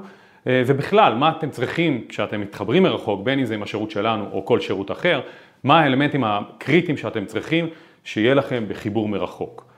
אה, חברת Portnox, חברה גלובלית היום, אנחנו, ה-headquarter שלנו, חברה כחול לבן, ה-headquarter שלנו, הפיתוח, אה, תמיכה, נמצאים פה, אבל יש לנו גם משרדים בלונדון, אה, בניו יורק, כל מיני מרכזי התפרצות של הקורונה, אנחנו נמצאים שם. מה אנחנו עושים? אז אנחנו חברת NAC, Network Access Control, בקרת גישה לרשת, יש לנו היום כמה שירותי ענן as a service, אנחנו יכולים לתת גם רדיוס a service, רק את הרדיוס. אנחנו יכולים לתת Wi-Fi Security as a service מהענן, והיום באתי לדבר איתכם על מה שעשינו עבור אותה חברה של שירותים רפואיים שהעברנו את מוקד השירות שלהם לעבודה מרחוק, Zero Trust Remote Access as a Service. אז באמת כשמתחברים ברימוט, מה זה חיבור מרימוט? חיבור ברימוט יכול להיות דרך VPN, שזה הדרך הקלאסית, הסטנדרטית לעשות את זה, זה יכול להיות דרך VDI כדוגמת VMware או Citrix, זה יכול להיות בעזרת Access Point אפילו, היום יש Access Pointים שאתם יכולים להתחבר אליהם, לקבל את הרשת הארגונית בבית, ואותו Access Point עושה את ה-VPN בעצמו. אבל לחילופין גם חיבור מרחוק אומר גם שהעובדים שלכם בבית ניגשים ל-Salesforce, ניגשים ל-Office 365, זאת אומרת הוא קצת יותר גדול רק מהגישה לרשת הארגונית שלכם, זאת אומרת זה האלמנטים של חיבור מרחוק. וכשאנחנו חושבים על חיבור מרחוק ואני בטוח שרובכם אם לא כולכם כבר העובדים עובדים מרחוק ויש להם איזושהי גישה מרחוק. וכשאנחנו חושבים על ההבטחה של גישה מרחוק אנחנו בעצם מדברים על encryption בעיקר, זאת אומרת על טאנל מאובטח שהנתונים שעוברים בו מוצפנים ולא רואים, ולא רואים את מה שעובר בתווך הזה. ועל מנת ליצור את אותו טאנל מאובטח אז המשתמש מכניס את השם משתמש שלו והסיסמה כדי להזדהות בין אם זה לאפליקציה בענן או בין אם זה לחיבור ה-VPN שלכם אז הוא משתמש במה שנקרא credentials וזה לא מספק. למה זה לא מספק, וכשאני אומר זה לא מספק זה לא עופר מנכ"ל Portnox שאומר לכם שזה לא מספק, מומחים אומרים לכם שזה לא מספק מרשות הסייבר לדוגמה, שנתנה כללים מאוד ברורים לאבטחת חיבורים מרחוק. אני ממליץ אם לא קראתם, תיכנסו, תקראו, תקחו את ה... תגידו לאנשי האבטחה שלכם לקרוא, יש שם נהלים מאוד ברורים למה מומלץ אכן לשים כדי להתחבר מרחוק. לא רק רשות הסייבר שלנו, גם הממשלה האמריקאית הוציאה עכשיו נהלים חדשים לארגונים שרוצים להתחבר ב-VPN, מה זה אומר מבחינתם, ו... וכמובן כל המובחים מחברת סאנז ששמה לעצמה על הדגל, חרתה על הדגל לחנך את השוק לאבטחת מידע, דרך מומחים ישראלים, כל יועץ יגיד לכם באמת את שלושת מעגלי האבטחה הבסיסיים שאתם נדרשים לעשות בחיבור, בחיבור מרחוק. המעגל הראשון הוא מעגל של MFA, Multi-Factor Authentication, או 2FA, Two-Factor, Second Factor Authentication. הרעיון הוא something you have, something you know ו-something you are. משהו שאתם יודעים זה סיסמה, אבל זה לא מספק. למה סיסמה לא מספקת? אני אתן לכם את הדוגמה הכי פשוטה והכי קלאסית כדי להעביר את הנקודה. אני פותח account ב-Zero for you. פתחתי את ה account, הכנסתי שם שם משתמש וסיסמה, כנראה שאני אשתמש באותה סיסמה ב-Zero for כמו הסיסמה הארגונית שלי. וזה אומר שאם פרצו ל-Zero for אז בעצם השיגו את הקרדנציאלס הארגוניים שלכם, ויכולים עכשיו להיכנס לארגון שלכם דרך ה-VPN. הסיסמה לבדה היא לא מספקת, זאת אומרת שאנחנו צריכים עוד משהו מעבר לסיסמה. המשהו הזה יכול להיות משהו שיש לכם, זאת אומרת המחשב שלכם, או אולי הטלפון שלכם, וזה יכול להיות משהו ביומטרי, איזשהו מזהה שיש לכם. זאת אומרת משהו בנוסף לסיסמה. וזה המעגל הבטחה הראשון, וזה אחד מהדברים שעזרנו להם בעזרת השירות שלנו, בעזרת המוצר שלנו מהענן, עזרנו להם ליישם באותו מוקד שירות מרחוק, שכל חיבור יהיה מוגן על ידי MFA בנוסף ל-credentials, ליוזרים והסיסמה. המעגל השני מדבר על Security Posture Assessment. מה זה Security Posture Assessment? מדובר על קונפיגורציה של ה-Endpoint. מה זה הקונפיגורציה של ה-Endpoint? ה-Firewall שלכם רץ שם, האנטי-וירוס מעודכן, רץ, סרק את המחשב ב-24 שעות האחרונות, ה-EDR שלכם נמצא, כל פרט על המחשב הזה, על אותו endpoint מרוחק שחשוב לכם לבדוק, כשעוד הפעם, ה-best practice מגדיר בעיקר פאצ'ים, אנטיווירוס ו-firewall, זה שלושת הדברים, אבל יש עוד דברים שהם מוגדרים כ-best practice, כמו דיסק און קי שהעובד לא יכניס וכו'. עכשיו, אותן בדיקות חשוב לעשות אותן באופן continuance, מה הכוונה באופן תדיר לעשות את אותן בדיקות. הכוונה היא שזה לא מספיק לעשות את זה רק כשאני מתחבר ל-VPN. למה זה לא מספיק? כי העובד גם מתחבר לסיילספורס, העובד מתחבר לאפליקציות ענניות, וכשהוא מתחבר לאפליקציות ענניות אני רוצה לדעת, אתם רוצים לדעת, שהמחשב שלו, אותו endpoint, אכן עומד בדרישות האבטחה שלכם, שהוא לא פריץ והוא לא פרוץ. ו... ולכן צריך לעשות את זה באופן תדיר כל הזמן וכל הזמן לדעת שהמצב של האבטחתי של האנדפוינט הוא תקין. ובגלל זה הדרך כמעט היחידה לעשות את זה זה כשירות מהענן ולצרוך את זה מהענן ולא על ידי חיבור אה, אה, ל-VPN. הצד השלישי של המעגל השלישי של אותו מעגל אבטחת מידע, זה מעגל שמדבר על ה-prevention. זאת אומרת, אני רוצה להיות פרואקטיבי, אני לא רוצה לחכות למצב שהוא יוריד את ה-firewall, או יפסיק את האנטיווירוס. דרך אגב, לא בזדון, כנראה שהוא עושה את זה בטעות.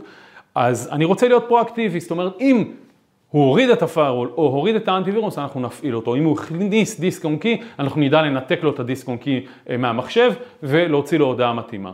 כמובן שאם יש איזושהי בעיה עם אותו מחשב, אני רוצה לדעת שהוא לא יכול להתחבר לארגון. עוד פעם, באופן אופציונלי, אני רוצה לדעת שיכול להיות, אני רוצה לנתק אותו עכשיו מה-VPN, או אני לא רוצה לאפשר לו חיבור ל-VPN, או חיבור לסיילספורס. אני רוצה לוודא קודם כל שהמחשב שלו יהיה תקין, אני רוצה לקבל על זה איזושהי התראה, איזשהו אימייל, או אני בתור אה, מנהל הארגון, או מנהל ה-IT של הארגון, או מנהל ה-Security של הארגון, רוצה לקבל הודעה על זה, ורוצה אה, להיות אה, on top of things. אה, וזה בעצם מה שאנחנו עושים כשירות מהענן. אה, השלב הראשון של השירות, וכל אחד מכם יכול אה, להיכנס ולהירשם לשירות הזה. למעשה, בעקבות המצב של הקורונה, אה, החלטנו לתת את השירות הזה כ-90 יום חינם, ואתם יכולים להירשם אליו 90 יום חינם ולהשתמש בו כדי, בתקווה, לעבור את התקופה הזאת בצורה בטוחה. והרישום הוא רישום מאוד מאוד פשוט. אה, ותוך שעה אתם יכולים להיות מקצה לקצה אה, אה, אחרי שאתם כבר מעגנים על החיבור מרחוק שלכם. הצד השני שלו זה צד ה agent. הצד של ה agent שאותו אתם מתקינים על תחנת הקצה, אתם יכולים להפיץ אותו בצורה מרכזית עם כל כלי הפצה של תוכנה שיש לכם, בין אם זה SCCM, Intune או כל כלי אחר. לחילופין אתם יכולים להוריד אותו מה self service portal שלנו, אתם יכולים להזדהות בעזרת credentials ארגוניים, Office 365 Okta, אם יש לכם, כל uh, סוג credentials ארגונים שאתם מכירים, Active Directory כמובן, אתם, המשתמשים שלכם מזדה, אה, מזדהים, אה, אימייל ארגוני, ומורידים את אותו agent ומתקינים אותו, מבחינתם זה תהליך של Next Next, מאוד מאוד פשוט לעשות בעצמם, אבל כמובן אפשר גם להתקין אותו עבורם בצורה מרכזית. ברגע שעשיתם את זה וברגע שיש לכם את אותו agent שלנו, אתם מקבלים מספר דברים. אחד, הוא גם נותן לכם את אותו MFA שדיברתי, בין אם זה על הטלפון ובין אם זה על המחשב, נותן לכם את אותו הזדהות חזקה שהיא מעבר ליוזרם וסיסמה. הדבר השני שאתם מקבלים, זה אתם מקבלים בדיקה תמידית של המחשב שלכם, כל הזמן. זאת אומרת, כל שינוי שקורה על אותו endpoint שהוא מנוגד למדיניות האבטחת מידע של, שלכם, אנחנו אה, נקבל את זה ישירות אה, לענן ונודיע לכם שיש איזושהי בעיה אה, עם אותו endpoint ותוכלו להחליט אם אתם רוצים לטפל בזה באופן ידני, או כמובן אם התקנתם את אותו רכיב שלנו, קינפקתם את אותו רכיב של ה-prevention, של הפרואקטיב, אז אתם בעצם תוכלו גם באופן אוטומטי, לפחות חלק מהבעיות האלה, לתקן באופן מיידי, ללא מגע יד אדם. בסופו של דבר אתם יכולים גם להחליט שאתם רוצים לחבר את זה אה, לתוך מערך ה-VPN באופן הדוק יותר, והחיבור הזה אומר שאם תחנה נמצאת ב-Rescore, כמו שאנחנו קוראים לו, גבוה, אז היא לא תוכל להתחבר ל-VPN עד שהוא לא יסדר את אותן בעיות שיש לו על אותו endpoint ולתקן אותן. אחרי שיש לכם את כל הרכיבים האלה עובדים ומקונפגים, ושוב, התהליך מאוד פשוט, ואנחנו כאן כדי לתמוך בכם, אנחנו והשותפים שלנו אה, בשוק הישראלי, כאן כדי לתמוך בכם אה, באותו ההגדרה מרחוק. אה, אתם מקבלים בעצם Zero Trust Remote Access, ואתם יכולים בראש שקט לדעת שהחיבור מאחור, מרחוק, מתבצע בצורה מאובטחת ומלאה. וכל מה שנותר לי זה לאחל לכם באמת עבודה מרוחקת, בטוחה, ולהזכיר לכם שאנחנו נותנים את השירות הזה אה, בחינם עכשיו בעקבות המצב ל-90 יום, ואתם מוזמנים אה, להתחבר, אה, להתחבר אליו, אלינו לפורט נוקס, לאתר ווב שלנו, ולהגיע אליו ולהירשם ל-90 יום חינם. תודה רבה לכם.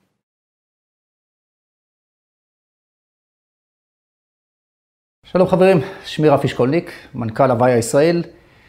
ובימים טובים אלה באנו לערוך איזשהו סשן אה, וירטואלי, סשן מרוחק, שמדבר על המצב, על ההתייחסות ועל ההתארגנות אה, מול משבר הקורונה. נפתח בכמה מילים על הוויה. הוויה העולמית היא חברה שמובילה בעולם ה-collaboration, הוויה העולמית היא חברה אה, ציבורית, חברה אמריקאית, חברה נסחרת בנסדק, עם מעל ל-8,000 עובדים, מעל ל-3 מיליארד דולר מחזור מכירות. היא חברה גדולה ומובילה בתחומה. אני תכף אדבר על התחומים שלנו, אני תכף אדבר על היכולות שלנו, אבל רק בהיכרות ראשונית, אחד הדברים שאנחנו עושים בחודש האחרון בצורה מאוד מאוד מאוד מסיבית, הוא בעצם לעזור לבריאות הציבור, לעזור לבריאות הלקוחות שלנו ולקחת לקוחות ולהעביר אותם לעבודה מסודרת, בטוחה, מאובטחת, מרחוק. נתחיל באיזשהו, אה, נלווה את השיחה הזאת באיזשהו סרטון שידבר פחות או יותר על המרכיבים של הוויה ומה אנחנו עושים היום בעולם של, אה, של הקורונה. אה, הוויה העולמית יצאה עם איזשהו, איזשהו, הייתי קורא לזה מבצע, אבל באיזשהו איזשהו פתרון בעצם ללקוחות שרוצים להתחיל לעבוד מרחוק. הוויה, קורונה ויירוס ריספונס, בעצם איך אנחנו מגיבים לעולם שלנו, שלנו היום. בעצם מה שמייצר את Avaya היום הם פתרונות ל contact center, בעצם לשירותי לקוחות, פתרונות ל-Unified Communication, לכל נושא התקשורת האחודה, ופתרונות לעולמות הוידאו. תכף נראה איך זה משתלב פה. אנחנו נתחיל אחד-אחד, נתקף אחד-אחד ונסביר מה אנחנו עושים כדי לעזור ללקוחות שלנו לעבוד מהבית. נתחיל ב-Remote Agent. מה זה אומר Remote Agent? שאתם מגיעים היום לשירות לקוחות של חברות הוט, אל על, סלקום, כל לקוח גדול שיש לו מאות ואלפי נציגים. נציגים זה אותו בן אדם שאתה מתקשר אליו ובעצם מקבל את השיחה שלך ומדבר איתך באותו רגע על יכולת השירות, על תקלות פתוחות, על מכירות, על כל מה שצריך. הנציגים האלה ישבו באולמות ענקיים של מאות אנשים שיושבים סנטימטרים אחד מהשני. אולמות בגודל של איצטדיון כדורסל, איצטדיון כדורגל, ישבו מטרים אחד לשני. אין דבר יותר לא בריא מזה בעולמות של הקורונה. מה שעשינו, לקחנו את האנשים האלה, את אותם נציגים, את אותם בחורים שיושבים באותו contact אה, center, באותו שירות לקוחות, ואפשרנו להם לעבוד מרחוק. מה זה אומר לעבוד מרחוק? לעבוד מרחוק זה אומר שאת כל שולחן העבודה הרגיל שהוא קיבל במשרד, כל שולחן העבודה עם הסרגל כלים, כל הסקילים שהיו לו, כל היכולות שלו, ואתם צריכים להבין, הדבר הזה הוא מאוד מאוד חשוב.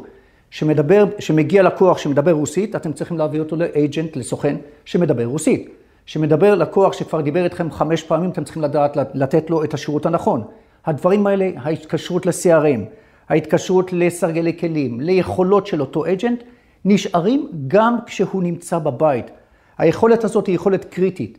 אותו לקוח לא יכול לעבוד, חברות ביטוח, בנקים, כרטיסי אשראי, קורפורטים ענקים של מדינת ישראל, את כולם העברנו לעבוד מהבית, העברנו פיזית, העברנו לעבוד מהבית, כבר בימים אלה. כולם עובדים מהבית. כשאתם מתקשרים היום לחברת הטלקו האהובה עליכם, או לחברת הסלולר, או לכל חברה אחרת, אתם מגיעים לנציג, אותו נציג שישב באותו מגרש כדורגל שדיברתי עליו, היום אתם מגיעים אליו הביתה. אנחנו מאפשרים לו את כל הדברים האלה, כל הקלטות השיחות ממשיכות, כל אבטחת המידע ממשיכה. הוויה מספקת אבטחת המידע בצורה מושלמת, גם כשאתם נמצאים בבית. איך עושים את זה? אתם יכולים לראות כמה הוויה נתנה לכם את הקישוריות, נכנסים לאתר הוויה, מבקשים אישור, מבקשים קישור, מכניסים כמה פרטים, מעט מאוד פרטים, מינימום של פרטים, ואתם שם. זה הדבר הראשון, אותם נציגים שהולכים הביתה, שומרים על הבריאות שלהם. דבר שני, זה העובד הרגיל, עובד שהוא לאו דווקא עובד agent או סוכן ב contact center, אבל צריך לעבוד מהבית. איש מכירות, אה, אנשי כספים, רואה חשבון, כל אחד שרוצה לעבוד מהבית היום, אנחנו קוראים לדבר הזה Remote Worker Offer, אנחנו נותנים את האפשרות להוציא את העובד הביתה, כדי שימשיך לעבוד, כדי שימשיך לעשות זה. אני עושה את הדבר הזה כבר למעלה משלושה שבועות, חזרתי בתחילת החודש מחו"ל, מיד, דקה אחרי זה הייתי בבידוד, המשכתי לעבוד מהבידוד, יצאתי מהבידוד, יום לפני שיצאתי מהבידוד החליטו להכריז על סגר, אז יצאתי מבידוד לסגר, הכל ממשיך כרגיל. אנחנו עושים שיחות וידאו, אנחנו עושים שיחות אודיו, אנחנו עושים שיחות טלפוניות ואנחנו עושים שיחות ללא טלפון מהמחשב ישירות. עם האפשרויות שהוויה מספקת לכם. כל הרעיון הוא בעצם לתת לכם את סביבת העבודה, את המשרד שלכם בבית. האם זה 100% נוח? ניסיון שלי שאומר שזה לא. אבל האם זה נותן לכם את ה-80-85% יכולות שהיו לכם במשרד ואתם ממשיכים אותם בבית? התשובה היא כן. יש, ישנה המשכיות עסקית, ישנה אבטחת מידע מושלמת. גם אם אין לכם VPN, הוויה מספקת מה שנקרא SBC, את אותו אה, מנגנון אבטחת מידע של הוויה שהיה לכם במשרד, ממשיך לתפקד גם אצלכם בבית. כל אבטחת המידע, כל היכולות, כל הדברים שקיבלתם, ממשיכים. זה מגיע להוויה, אני לא אכנס לשמות, אבל גם להוויה אורה, IP Office ו-CS1000, זה אומר גם ללקוחות הגדולים, גם ללקוחות הבינוניים, וגם ל SOHO, גם ל-small office, home office, גם אותם אנחנו יודעים היום להוציא הביתה. מיד אנחנו נגיע ליכולות שלנו, מה אנחנו נותנים להם בבית, אבל היכולת היא מושלמת. היכולת לעשות video conferencing, audio conferencing, כל שיטה אחרת של דבר שאתם רוצים, קיימת היום ב Avaya בכל הגדלים ובכל הצורות. הדבר הבא שאנחנו מספקים, תכף נראה את הנושא הזה, זה בעצם איך אנחנו מקימים עבורכם משרד בבית. מה אומר משרד בבית? משרד בבית זה אומר המחשב הביתי שלכם, משרד בבית זה אומר המובייל פון שלכם, משרד בבית זה אומר שיש לכם איזושהי מצלמה ברמה טובה עד איכותית מאוד כדי שתוכלו לעשות את ה... ואוזניות וכולי וכולי. אנחנו מספקים היום את כל הדיווייסים, את כל המערכות, את כל המנגנון, את כל התוכנה והחומרה עבור אותו בן אדם שהגיע הביתה, כדי שיוכל להרגיש בבית כאילו והיה במשרד. אנחנו מספקים את המצלמה, נקראת CU 360. CU 360 היא מצלמה באיכות 4K, מלאה, מריצה מנגנון של אנדרואיד, ככה שאם יש אפליקציות ספציפיות של המשרד שאתם רוצים להריץ, והן Android based, גם אותם אתם יכולים להריץ על המצלמה הזאת. אנחנו מספקים אוזניות, אוזניות בלוטוס עם noise cancellation, ככה שגם אם הילדים רצים על ידכם או הכלב נובח, היכולת שלכם ממשיכה לעבוד בצורה מלאה, ואת אותו B109, את אותו ספיקר פון שיושב על השולחן ונותן לכם איכות צליל מושלמת לעבוד בבית ולעבוד במשרד שלכם כאילו הוא היה בבית. נמשיך הלאה, אנחנו נכנסים לנושא של uh, education. חזק מאוד, היום רק שמעתי שחזרו לעשות remote learning, הוויה מספקת יכולות remote learning גם ברמה של broadcasting. למרצה אנחנו נותנים את אותם כלים שדיברנו עליהם, את אותה מצלמה משוכללת, את אותו יכולת של לדבר עם אוזניות ואת אותו רמקול עם uh, רגישות מאוד מאוד גבוהה, ויכול לעשות ברודקאסטים לסטודנטים, חוגים להעביר, אנחנו מדברים היום על יכולות אינטרנט שאנשים מעבירים חוגי ספורט ודברים מהבית. כל הדברים האלה קיימים ביכולות של Avaya, off the shelf, ללא, שום התקנות מיוחדות או ידע טכני מהבית.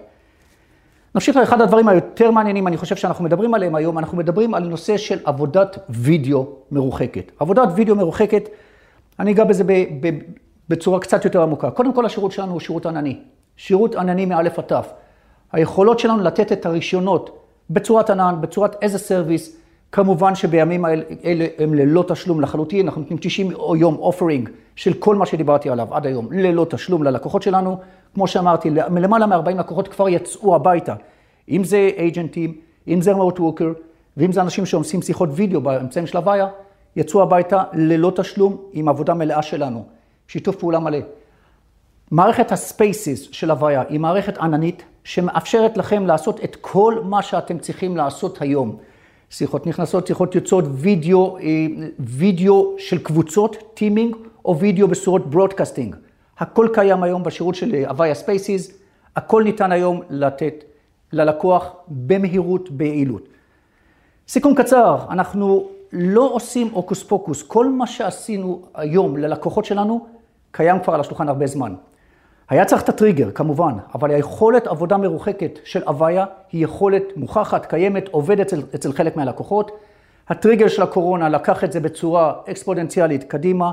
כל הלקוחות דורשים את הדבר הזה ומקבלים איתם את הדבר הזה. העולם של הפוסט-קורונה ללא ספק יהיה שונה.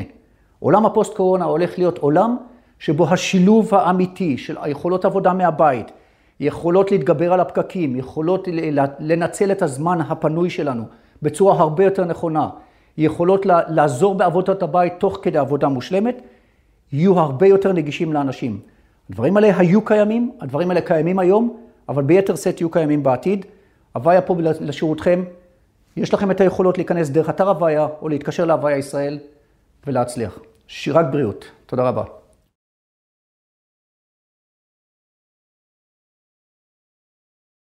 שלום לכולם, תודה רבה שהצטרפתם אלינו היום, כנס די ייחודי בסוגו. לי קוראים איתן מערבי, אני sales engineer ב Commvault. אה, אני רוצה היום לדבר איתכם ככה על המצב שנקלענו אליו, ובאמת אה, אה, להתמקד בכל הנושא של המשכיות עסקית. אז באמת כל המצב הזה שפקד אותנו, אז מביא איתו המון אתגרים חדשים, אנחנו מקבלים המון טלפונים ופניות מלקוחות שלנו, מה עושים, איך עושים. אה, וריכזנו ככה את, את אה, מירב הדברים כדי לתת לכם כלים להתמודדות ולהגיד איך אנחנו חושבים שהאסטרטגיה הנכונה אה, שצריך לפעול לפיה, ובעצם לתת מענה לארגון שלכם בשביל המשך עבודה שוטפת. אז אם אנחנו ככה ניקח את הדברים שבאמת ריכזנו, אז אנחנו רואים שקיבלנו פניות מאנשים שהתחילו לעבוד מהבית, והתחילו לעבוד עם הלפטופים, ומתבססים על אפליקציות ענניות, שאנחנו נדבר עליהן, 365, Salesforce, כל מיני אפליקציות של התקשרות יומיומית כאלה ואחרות, כמו Microsoft Teams, שהוא חלק מה-365. אנחנו מקבלים גם פניות על הדרך של איבדתי לפטופ, נפל לי מסמך, נעלם לי מסמך, איבדתי מידע, השחתה, ואפילו מתקפות גדוניות. גם זה קורה, ובסופו של דבר הלקוחות שלנו מחפשים דרך להתאושש מהדבר הזה במינימום זמן, ולהחזיר את הארגון לעבודה שוטפת כמה שיותר מהר. אז אנחנו רוצים היום לבוא ולהתמקד בכמה נושאים מרכזיים, כמובן שיש לנו עשר דקות, אז לא נוכל לבוא ולדבר פה על, בהרחבה על כלל הפתרון, אבל אנחנו כן רוצים לקחת איזשהו חלק בפלטפורמה שכן נותן מענה עבור לקוחות בסיטואציה הזאת. אז אנחנו נבוא ונדבר על עמדות קצה, בעצם איך אנחנו דואגים להם. בסופו של דבר הלקוחות שלנו היום באים ומשתמשים בכלי הזה לצורכי עבודה שוטפת, אם זה פיתוח ואם זה הנהלה ומיילים ושמירת מסמכים ואם זה, לא יודע, כל תפקיד חיוני אחר לארגון שצריך לבוא ולהמשיך לעבוד, אז בסופו של דבר צריך לדאוג למידע הזה. אם זה אפליקציות ענן, הן מייצרות טונות של מידע, המון מידע, ואם זה סיילספורס, זה תהליכים עסקיים, ואם זה ה-365 שכבר הזכרתי, אז זה מיילים ושארפוינט ו-OneDrive ו-Teams, ואם זה אפליקציות ב-AWS, אג'ור, you name it, בסופו של דבר נוצרת לנו מסה מטורפת של מידע שמישהו צריך להמשיך לנהל אותה, גם כשאנחנו לא נמצאים בארגון. והדבר האחרון שהזכרתי אותו במילה מקודם, זה כל הנושא של מתקפות זדוניות. אז באמת אנחנו רואים גידול בדבר הזה, ואנחנו רואים לקוחות שלנו שנשבים כבני ערובה ומחפשים פתרונות של איך להתאושש מהדבר הזה. אז אנחנו נבוא ונדבר גם על זה איך קומוולט נותנת פתרון ללקוחות שלה ומגנה על המידע לצורכי בסופו של דבר התאוששות במקרה חס וחלילה שזה קורה לכם. אז הדבר הראשון שנדבר עליו זה גיבוי של עמדות קצה. אז דיברנו על זה שזה איזשהו כלי שאנחנו רואים בו שימוש הרבה יותר רחב עכשיו, כשהלקוחות, שרוב המשתמשים עובדים מהבית, אז לקומולט כחלק מהפתרון כלולה יכולת גם לגיבוי של עמדות קצה, יכולת מאוד מעמיקה ורחבה שנותנת לנו לגבות את עמדות הקצה ברמה של אימג'ים של מחשבים שלמים או של נתיבים ספציפיים מתוך אותם לפטופים, למשל users או user data או תיקיות של משתמשים חיוניים שלשם הם שופכים את המידע שלהם ויוצרים איזשהו פלט שהוא חיוני לארגון.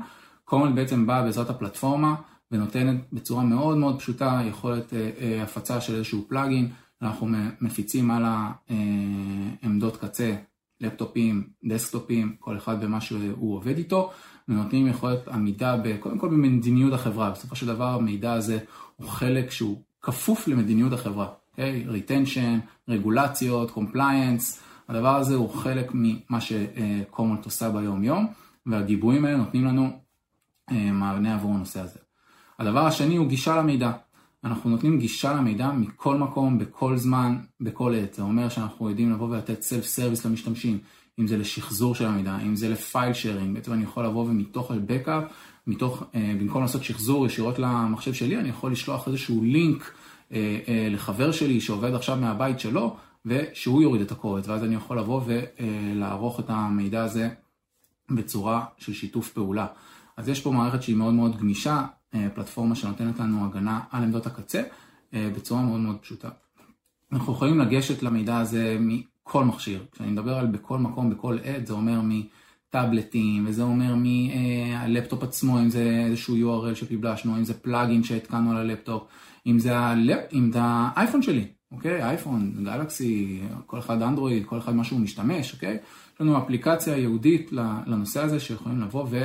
לראות את המידע שיש לנו על, בגיבויים שלי ואני יכול לבוא, לעשות לו download ולהחזיר אותו בצורה מאוד מאוד פשוטה. כמובן שאנחנו דואגים לאבטחת מידע, כל הנושא הזה הוא מאובטח מקצה לקצה, אם זה הצפנה של המידע ב destination, זה יכול להיות דיסק בחוות שרתים שלנו, זה יכול להיות בענן, זה יכול להיות לטייפים, אתם ככה נותנים, רוצים איזשהו עותק offline. וזה כמובן מוטמע מקצה לקצה גם ב tunnel שלו וגם ב destination ברמה של העותק של הגיבוי שכתוב. אם אתם הולכים לטייפים כמו שהזכרתי זה כמובן עותק offline אבל זה לבחירה שלכם. יותר מזה אתם רוצים שירות מנוהל על ידי אחד מהשותפים העסקיים שלנו, על ידי Commvault עצמה, גם זה יכול להיות פתרון. אנחנו יכולים לדאוג לכם לגיבויים ושחזורים של כלל המידע, שלא נמצא כחלק מהתשתית המסורתית נקרא לזה, חלק מהמוביליטי, חלק מהשינוע של המידע לתשתיות החדשות. אוקיי? אם אנחנו נעבור ככה באמת לסוג המידע השני שלנו, זה אפליקציות ענניות. אז הזכרתי אופיס 365, אבל כמובן שיש גם את ה-G Suite, Gmail, G Drive, ואם זה אפליקציות של AWS כמו RDS ודינמו או קסנדרה, או אם זה אג'ור, אז אג'ור SQL או אג'ור פס כזה או אחר, או אם זה סיילספורס, אוקיי? ניהול תהליכים עסקיים. כל אחת מהאפליקציות הענניות האלה יכולה להיות מקור של מידע שאני בסופו של דבר צריך לנהל. אני רוצה להתמקד באמת היום באופיס 365, כי זה באמת הדבר המרכזי, אבל צעד אחד לפני זה זה כל העניין של אפליקציות ענן, מה באחריותנו בכלל? אז יש לנו היום את ספקית הענן, שבסופו של דבר היא נותנת לנו תשתיות, היא נותנת לנו אחסון, היא נותנת לנו שרתים, היא נותנת לנו פלטפורמה, של דבר היא כן נותנת אה, אה, המון דברים, אבל מה נמצא באחריותנו? באחריותנו נמצא, אך ורק באחריותנו, נמצא ניהול של המידע. המידע עצמו שישן, ששוכן באותם אה, שירותים, אנחנו אחראים עליו. אם יש לי איזושהי מתקפה, אם אני צריך לשחזר מידע ש...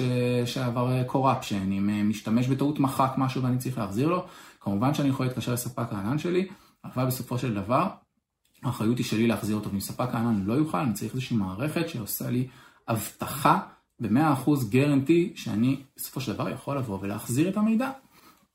זה מה ש Commvault היום יודעת לבוא ולתת עבור ה Office 365.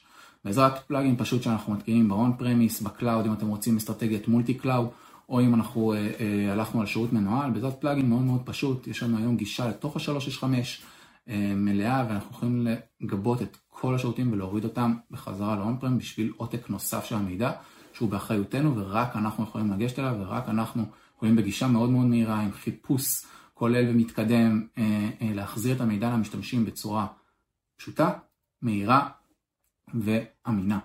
אוקיי? Okay? זה, זה משהו שהוא מאוד חשוב, אנחנו מנהלים את זה מתוך ה-command center, מתוך הפלטפורמה הרגילה שלנו, שאנחנו עושים ממנה את כל הגיבויים השחזורים, אם זה אפליקציות, אם זה ענן, אם זה on-prem, אנחנו יודעים לתת גם את הרובד של ה-365. אוקיי? Okay? אנחנו יודעים לתת שחזורים ברמה של קובץ בודד, של מייל, של document מה SharePoint, ולהחזיר את זה ישירות ל-365, או להחזיר את זה לאיזשהו עותק offline הצידה, בשביל עריכה או בשביל אה, אה, כל מיני טסקים אחרים שהמשתמשים שלנו דורשים. יש לנו פתרון מאוד מאוד מקיף אה, ועמוק עבור גיבוי של ה-365, וזה משהו שהוא מאוד מאוד חשוב בזמנים כאלו. דבר נוסף שאני רוצה לדבר עליו, אוקיי, הוא כל העניין של security. ransom, אוקיי, זה משהו שראיתם את הכותרות, הדבר הזה קיים, הוא איתנו, והוא לא הולך כנראה לשום מקום, הוא אפילו רק גדל. כל הזמן יש עוד זנים ועוד סוגים שונים של תוכנות, או, או מלוורים, או וירוסים. כל הזמן הארגון שלנו הוא תחת סכנה מתמדת, ואנחנו בסופו של דבר צריכים לתת מענה אם חס וחלילה קורה משהו. קומונט עושה את זה בכמה צורות, אוקיי? אנחנו יודעים היום לבוא ולתת אה, אה, אוטומציה, זה דבר ראשון. איך אנחנו נותנים אוטומציה? זה אומר שאנחנו מנטרים את המידע המגובה. הדבר הראשון שאני צריך לעשות הוא לדאוג שהמידע שיש לי בגיבוי לא יודבק מהווירוס, אוקיי? כדי שחס וחלילה כן הודבקתי, כן ננעל לי מידע, אני לא רוצה לשלם, אני כן צריך לבוא ולשחזר אותו מאיפשהו, ואם נדבק לי המידע בגיבוי בווירוס, בעיה, אני מחזיר אותו מוצפן ואכלתי אותה. אוקיי? מה ש Commvault עושה היא מנטרת את הפרוססים שניגשים ל mount paths, ל disk library שלנו, ל repository ש Commvault מנהלת. אוקיי? ה mount paths ים האלה מנוטרים אה, בצורה מתמדת לתהליכים שניגשים אליהם, ליוזרים שניגשים אליהם ולקריאות שנעשות על המידע. במידה ואנחנו רואים איזושהי, אה, אה, איזשהו משהו חריג, אנחנו יודעים לבוא ולהתריע. האוטומציה נכנסת לפעולה, נותנת איזשהו kick, כשאני יכול לבוא ולהגדיר workflow, שבמידה וקיבלתי התראה, אז אני יכול לבוא ולבצע ניתוק של ה storage שלי מהרשת, להפוך אותו ל-read כל דבר כזה או אחר שאני אבחר בשביל לשמור על המידע המגובה שלי. הדבר השני שאנחנו עושים הוא בעצם זיהוי של אותם אלגורים, של אותם תוכנות זדוניות, בצד של ה client עצמו, אם זה הלפטופ שלי, אם זה file system ים, אם זה server, אם זה VM, או אם זה אה, משהו שמסתובב לי ברשת. איך אנחנו עושים את זה? שתי שיטות. אחת היא honeypot, בעצם איזושהי מלכודת דבש, אנחנו מפזרים קבצים שחתומים בצורה מאוד מאוד ייחודית על ידי Commvault, ואם אנחנו רואים גישה לאותם קבצים, שינוי באטריביוט, נעילות, אנחנו יודעים ישירות להתריע אה, אה, למנהל המערכת, והוא יודע לבוא ולהודיע לכל המעורבים בתקרית הזאת. ישירות אנחנו יודעים לנתק את המידע, ישירות אנחנו יודעים אה, לבוא ולעשות איזושהי פעולה כדי למדר את האזור, כדי שהווירוס לא ימשיך ויתפשט לנו בכל הרשת. דבר שני שאנחנו יודעים לעשות, זה לזהות אנומליות, חריגות, אוקיי? אם אנחנו מזהים איזושהי כמות חריגה של אה, קריאות, או של אה, הצפנה, או של שינוי, או של מחיקות של קבצים חס וחלילה, אנחנו ישירות גם כאן יודעים לבוא ולהוציא התראה בזמן אמת למנהלי המערכת, כדי שיראו איפה הדבר הזה אה, אה, פגע בהם, ובסופו אה, של דבר קורנט נותנת לנו איזושהי זכוכית מגדלת, איזושהי יכולת ניטור ושקיפות של מה קורה לי בסביבה שלי, ויכולת לתת מענה, אוקיי? בסופו של דבר אני צריך לשחזר את המידע, אני צריך למנוע מהווירוס להתפשט, אני צריך להחזיר את הארגון בצורה כזאת שאני לא תלוי בגורמים חיצוניים של כסף או של לשלם או, או של הפושעים שעשו לי את זה. אוקיי? אז זה מה שקורנט היום אה, אה, יודעת לתת, וזה משהו שהוא סופר קריטי, סופר חשוב, ואנחנו דוחפים את זה מאוד מאוד חזק, והלקוחות שלנו, אה, יש דרישה מהלקוחות שלנו מאוד מאוד חזקה, אז נשמח שתדברו איתנו גם בנושא הזה. לקוחות קיימים, פוטנציאליים, כמובן שנשמח לדבר עם כולם. אז אם נסכם את הנושא, באמת אנחנו נמצאים בסיטואציה לא פשוטה. אנחנו כאן בשבילכם, כאילו כמה שזה נשמע קלישאתי, אנחנו, אה, אה, יש לנו פה היום אה, צוותים של, של מכירות, אם זה בשביל פרויקטים עתידיים, יש לנו צוותים של professional services, באחריותו של עמוס חגי, שהוא המנהל צוות professional services שלנו, עם אנשי הצוות שלנו, אנחנו ממשיכים פרויקטים בצורה שוטפת, אנחנו עושים עד כמה, אנחנו יודעים לעזור מבחינת תמיכה, אנחנו מגיעים במידה ויש תקלה, crisis ים, אנחנו כאן כדי לעזור לכם, צרו איתנו קשר, אנחנו היום יוצרים קשר עם הלקוחות שלנו, מדברים איתם, אבל צרו איתנו, אנחנו נשמח לעזור לכם, נשמח לבוא לקראתכם. אה, ונשמח בסופו של דבר לעשות איזשהו engagement ולעבוד ביחד. אה, שנעבור כולנו את הדבר הזה כמה שיותר מהר, תהיו בריאים, שמרו על המשפחות שלכם, ותודה רבה שהצטרפתם.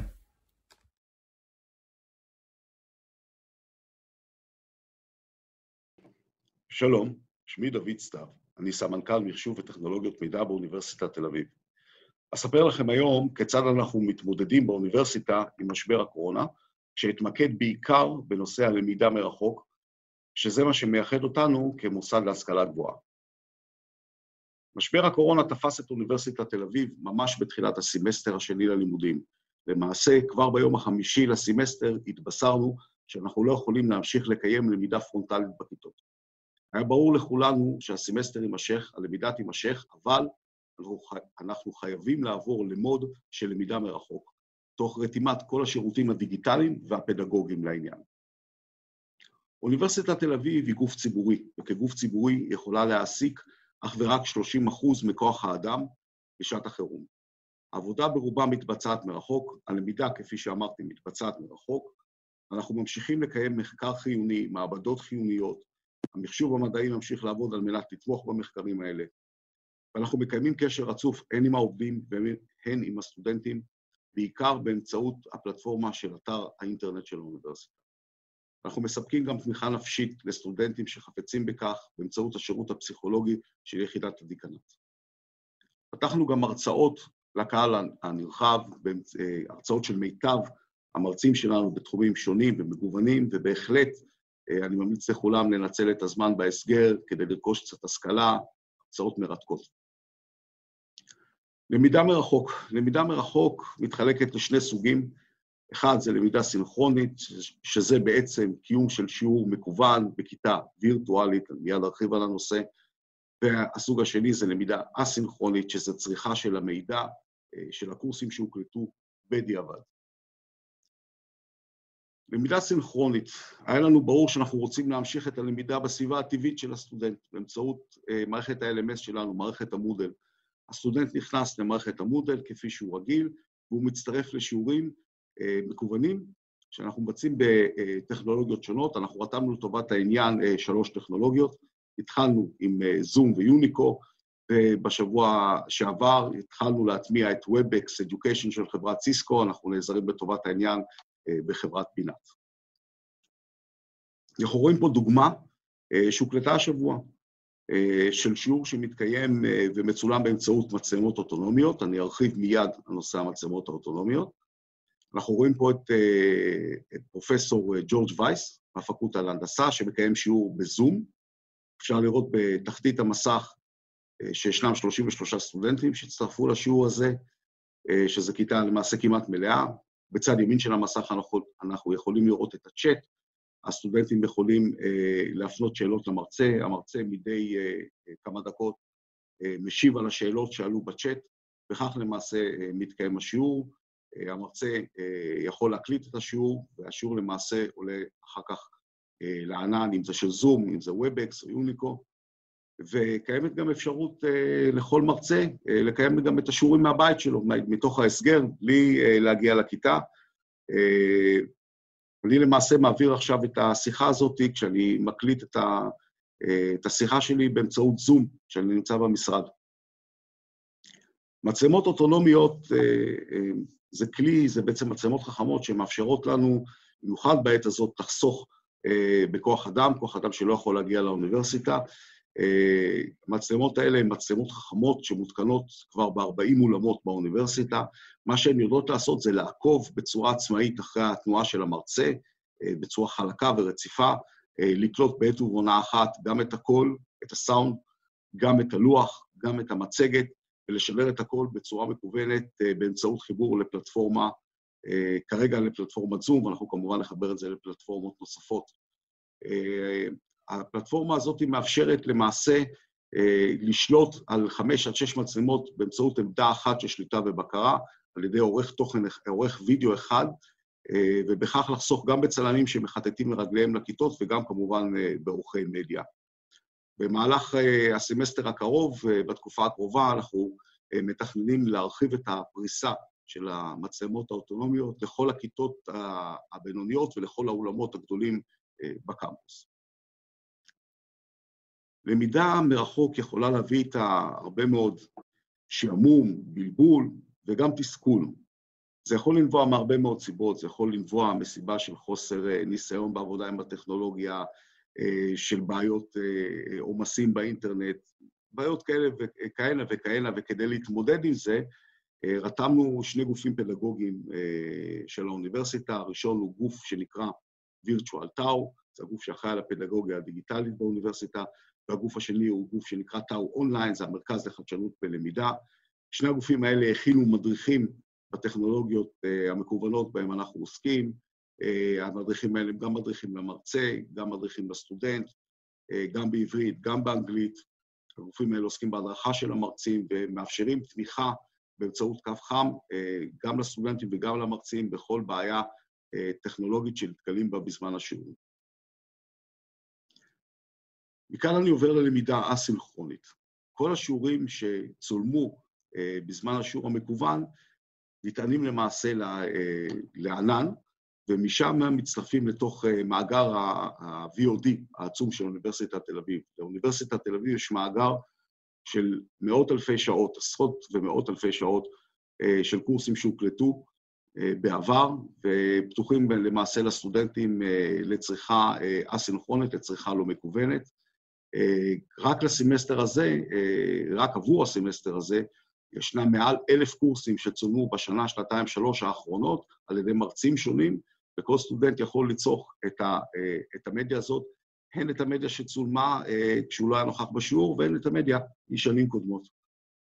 כל זה מצטרף למאגר של קורסים שהוקמו על ידי Virtual TAU, שהם קורסים שמלכתחילה כוונו להיות קורסים מקוונים, קורסים שהלמידה בהם תוכננה לצריכה מרחוק. ולמאגר של מוקים שטאו אונליין, הגוף לחדשנות בלמידה, הקים, בפלטפורמות שונות כמו קורסרה ואדקס. לסיכום, הסטודנט יושב בהסגר, נמצא בביתו, הוא נכנס למערכת המודל, למערכת ה-LMS כהרגלו, ומצטרף לשיעורים וירטואליים מקוונים. השיעורים האלה יכולים להתקיים בטכנולוגיות שונות, אבל זה שקוף מבחינת הסטודנט, הוא צורך את המידע דרך ה Moodle, הוא יכול לצרוך אותו גם בדיעבד, הן, באמצעו, הן בגישה שקופה לעננים של הטכנולוגיות האלה, והן באמצעות גישה ל-VOD של אוניברסיטת תל אביב, שיושב על הנטאפ, ב data center שלנו. אנחנו גם דואגים להוריד את כל החומרים מהעננים של Zoom ו Webex אל שרתי הוידאו של האוניברסיטה לצריכה מאוחרת יותר. לאחרונה ממש חתמנו על עסקה עם חברת פנופטו, זו חברה שעוסקת בשירותי וידאו, שהמטרה שלנו בעצם להגר את כל שירותי הוידאו שלנו לענן מעכשיו והלאה. אני רוצה לסיים בתקווה, בתקווה שבקרוב אנחנו נזכה לראות שוב כיתות גדושות בסטודנטים, אולי אפילו כבר בסמסטר הזה. אני רוצה לאחל לכולנו חזרה מהירה לשגרה, בריאות איתנה. תודה, להתראות.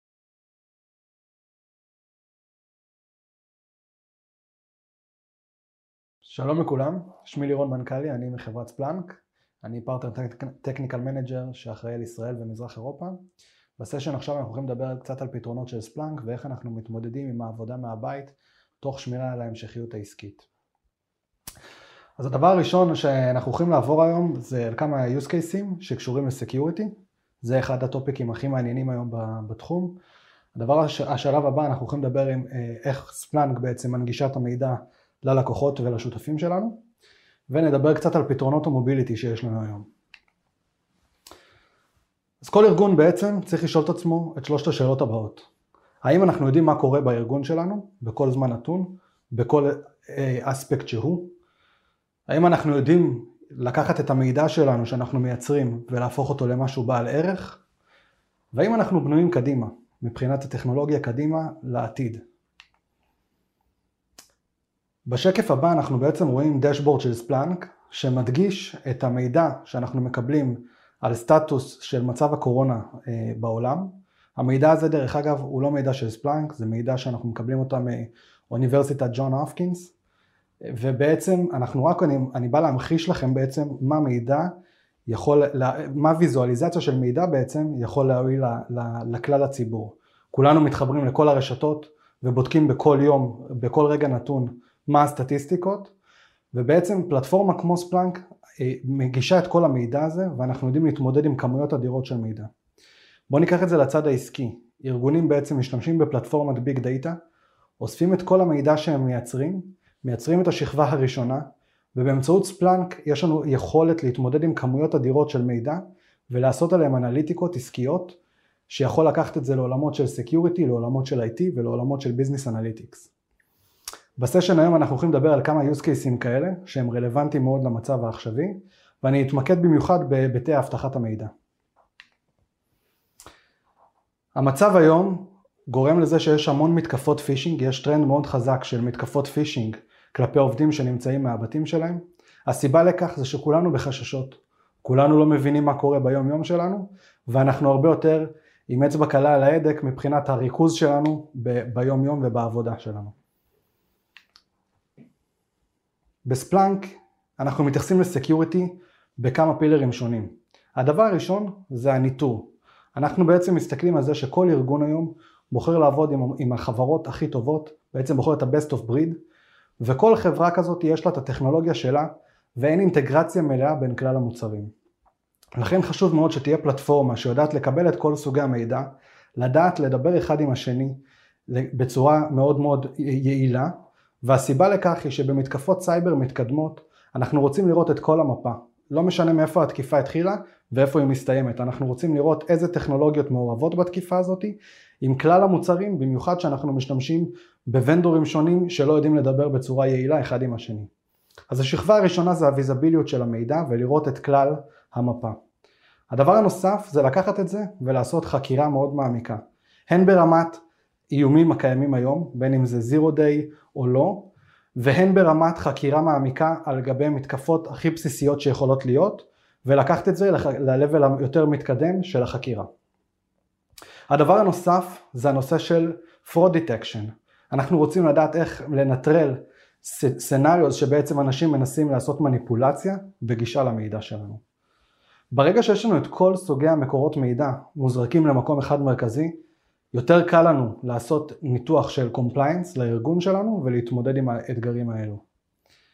וכל הדברים האלה שכרגע דיברתי עליהם, אנחנו מדברים על רמת ה detect. אנחנו יודעים לזהות את האיום, אנחנו יודעים מה האיום, איך להתמודד איתו, אבל אנחנו עדיין לא מנענו אותו. ופה יש, חש... יש חשיבות אדירה למוצר ה SOAR שלנו שנקרא פנטום. בעצם המוצר הזה יכול לייצר תהליכים אוטומטיים ובכך למקד את האנליסטים במשימות היותר מורכבות שלהם. בהרחבה, playbook זה בעצם תהליך שהאנליסט מגדיר, כשיש לו משימה שהיא חוזרת על עצמה ברמה היומיומית, וככה הוא יכול לייצר, להגיד, אם יש לי משימה יומיומית שאני חוזר אליה, אני יכול לעשות את הבדיקות 1, 2, 3 בצורה אוטומטית, ובכך להתמקד ב task ים היותר מורכבים שאני לא יודע איך להתמודד איתם. חשוב מאוד למקד את האנליסטים במשימות היותר מורכבות והחקירות היותר מעמיקות. כך בעצם נראה דשבורד של ספלאנק, זה דוגמה לאיזשהו דשבורד שמקבל את כלל סוגי המידע. אנליסט מבחינתו לא מעניין אותו איזה יצרן יש מאחורי הקלעים ולא מעניין אותו איזה טכנולוגיות מעורבות, מעניין אותו התקיפה, לא חשוב להבין איך הוא עושה רמידיאציה לתקיפה הזאתי, מה קרה ואיך אני יכול להימנע מזה שזה לא יקרה בפעם הבאה. לכן מאוד מאוד חשוב לנטרל את האיומים שלנו בצורה הזאתי ולמקד את העבודה היומיומית שלנו באתגרים החשובים באמת. ספלאנק יודעת להנגיש את זה בצורה מאוד קלה ואינטואיטיבית באמצעות אפליקציה שנקראת Enterprise Security. כשאני מדבר על אפליקציה בעצם יש לנו חנות אפליקציות בדיוק כמו בטלפונים הסלולריים שלכם. אנחנו יכולים להתקין אותם ובאופן מיידי לקבל ערך לגבי הטכנולוגיה בכל היבט שהוא. באתגרים היומיומיים שלנו, שאנחנו היום חווים אותם יותר ויותר בעבודה מהבית, אנחנו שמים לב לכמה אתגרים מהותיים. אחד, זה צריכת cloud. אנחנו היום משתמשים הרבה יותר בטכנולוגיות של cloud, וההיבט הזה מוביל, מוביל להרבה אתגרים בהיבט האבטחת מידע. חשוב לנו להבין מי התחבר לאיזה סביבה ומי עשה איזה שינויים במערכות, וככה אנחנו רוצים לנטר את זה במקום אחד מרכזי, במיוחד שאנחנו עובדים בסביבה שהיא multi cloud. הדבר השני זה בכלל העניין של תקציבים. כל הארגונים היום מסתכלים ורוצים לדעת איך הם מייעלים את העסקים שלהם, אז אחת הדוגמאות זה אפליקציה שנקראת AWS, בעצם לחיבור לשרתי אמזון, ומשם אנחנו באופן מאוד מאוד קל יודעים לזהות ולנטר כמה הצריכה שלנו ומה הולך להיות החיוב שלנו בסוף החודש. כתוצאה מכך אנחנו יכולים למקד את החטיבות הארגוניות לצריכה יותר יעילה וניצול של הסביבות שיש להם בסביבות הענן. דוגמה נוספת זה הדוגמאות הפיננסיות. אנחנו היום רוצים לנטר יותר מתמיד את האתגרים הפיננסיים. אם ניקח כדוגמה את הכספומטים שיש לנו, חשוב לנו לראות שלא מישהו מנסה למשוך כסף מכספומט אחד שבמרחק מאוד רחוק הוא מנסה למשוך כסף עם אותו כרטיס ואנחנו ישר נקבל התראה על משהו חריג כי מבחינת המרחק אנחנו לא יודעים לעמוד, להגיד, להגיד שמישהו יספיק להגיע ממקום אחד לשני. הדבר השלישי זה העולמות של ה-IT. כשאנחנו מסתכלים על IT, אנחנו מסתכלים על איזשהו service. ה service מבחינתי מכיל תחתיו המון המון תשתיות והמון המון שרתים והמון המון אפליקציות רלוונטיות. חשוב מאוד לדעת לנטר את התשתיות שמנגישות את השירותים שאנחנו נותנים ללקוחות שלנו ומאוד מאוד קל לנו לעשות את זה באמצעות Splunk.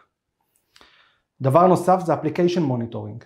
אנחנו רוצים לנטר את החוויית משתמשים שלנו, במיוחד היום, יש אתגרים מאוד רחבים בנושא של צריכת האינטרנט, וחשוב לנו שלקוחות מהבתים שלהם יודעים לצרוך את השירותים שלנו בצורה יעילה. והכי חשוב, מה שכולם מדברים עליו היום, זה נושא של משתמשים מרוחקים, הן ברמת VPN, ברמת Zoom, WebEx ו Office 365 או כל אפליקציית cloud כלשהי. אז חשוב לנו מצד אחד לדעת שהעובדים שלנו עובדים מהבית, אבל עדיין משתמשים בכל התקנים והנהלים כאילו הם נמצאים במשרד ומתייחסים לזה אותו דבר. הגבול היום בין ה-on premise שלנו, הרשת הארגונית שלנו, לבין הרשת הביתית הוא מאוד מאוד דק. וחשוב מצד אחד לתת חופש לעובדים מהבית, להרגיש כאילו הם במשרד, ומצד שני לשמור על הנכסים הארגוניים שלנו באותה מידה. לכלל מוצרי ספלאנק יש אפשרות להתחבר למובייל אקספיריאנס. המובייל אקספיריאנס שלנו יכול להיות משעונים חכמים לאפליקציית מובייל ואפילו אפליקציה לאפל TV שלנו. והעניין זה לא רק הוויזביליות כמו שדיברתי על זה מקודם. ברגע שאני מקבל התראה קריטית אני יודע מיידית לקבל, ה, אה, לקבל נוטיפיקציה ולהתמודד עם הדבר הזה באופן מיידי באמצעות פלייבוקים שהכנתי מראש או לחילופין להתקשר לאחד האנשים ולהתחיל לטפל במיידיות בדבר הזה. זה חשוב יותר מתמיד היום, כי גם כשאנחנו בבית, אנחנו נמצאים עם הילדים, ואנחנו פחות מרוכזים ופחות מפוקסים, וחשוב לנו, כמו, כמו שציינתי מקודם, לשים בפריוריטי הגבוה את המשימות החשובות והקריטיות לארגון שלנו. כל הכלים האלה רלוונטיים לכל לקוחות ספלנק ואפשריים וזמינים באופן מיידי. אני רוצה להודות לכם על הזמן שלקחתם במיוחד בתקופה זו. חשוב לי לציין שאין פה שום טכנולוגיה שפיתחנו לצורך הדבר הזה. הכלים האלה הם קיימים וזמינים לגבי כלל המוצרים. אני ניסיתי להדגיש רק את הטכנולוגיות הרלוונטיות להיום, והכי חשוב תהיו בריאים ותישארו בבית.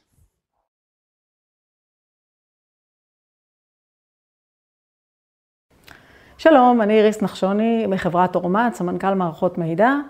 אה, חברת אורמט היא חברה שמייצרת אנרגיה ירוקה באמצעות הקמת תחנות גיאותרמיות אה, בחו"ל. יש לנו 23 תחנות שאנחנו מתפעלים ועוד תחנות שאנחנו בונים אה, בעולם. בעצם העניין הופך אותנו לחברה גלובלית עם מרכז גדול מאוד ברינו, קורפרט אופיס וייצור ביבנה, ושתי המקומות האלה הם המקומות העיקריים שאנחנו עובדים מהם, וכל התחנות מחוברות ברשת אלינו. כל עידן הקורונה הזה תפס אותנו בהפתעה.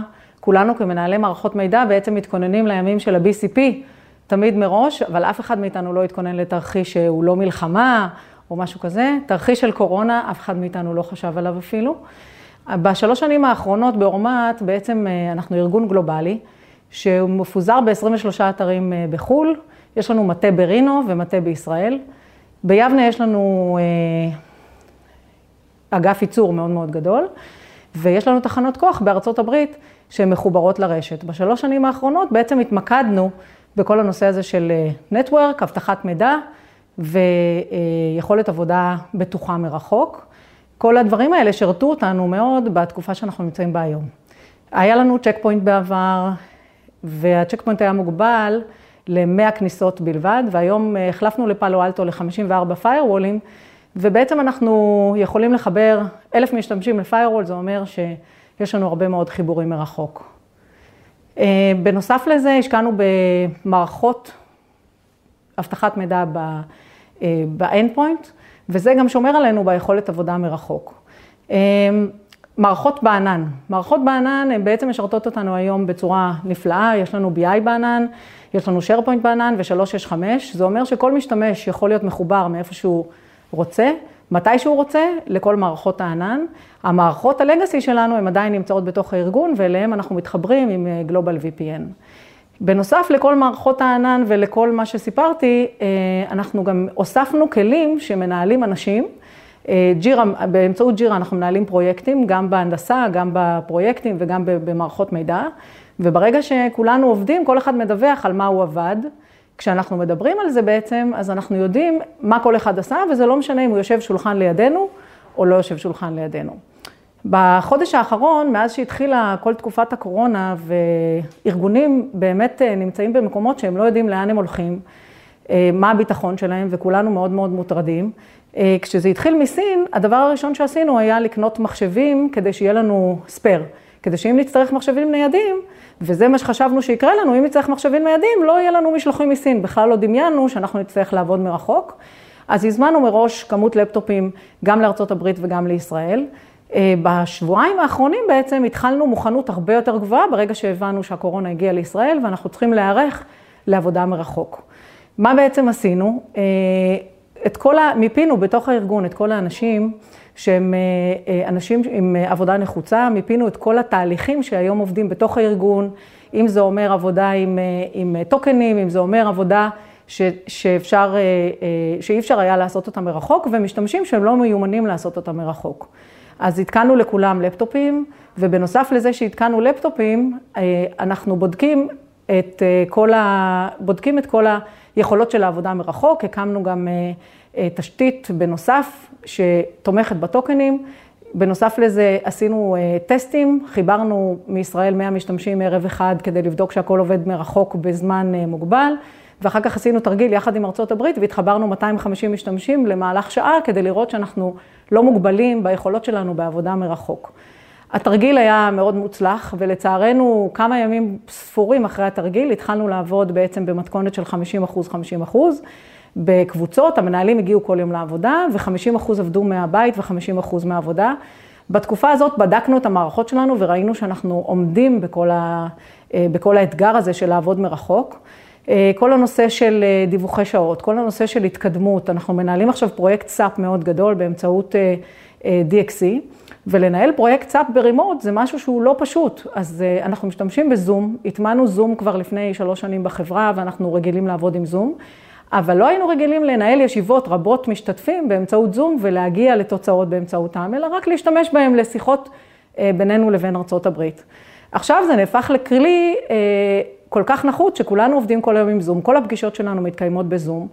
יש לזה גם יתרונות, כי אנשים ממוקדים בפגישה, אנשים כל הזמן איתנו, אנשים כל הזמן אה, אה, עוברים מפגישה לפגישה, ובעצם אה, אנחנו לא קמים מהכיסא, כי לעבור מפגישה לפגישה זה פשוט לעשות קליק ולעבור לקליק הבא, ויצא מצב שאנחנו כמה מנהלים בכירים, היינו בפגישות מתשע בבוקר עד אה, שבע בערב, ולא, בקושי היה לנו זמן לקום ולקחת משהו לאכול, כי אנחנו כל כך אה, יעילים בעבודה מהבית. אנחנו נתקלים בקשיים עכשיו, אה, ברגע שעברנו לעבוד מהבית, באינטרנט שכולנו תלויים בו. כולנו תמיד מתלוננים על וי-פיי איטי בבית, על האינטרנט זה, אבל עכשיו שכולם עובדים מהבית, האינטרנט נהפך לצוואר בקבוק לאומי ממש.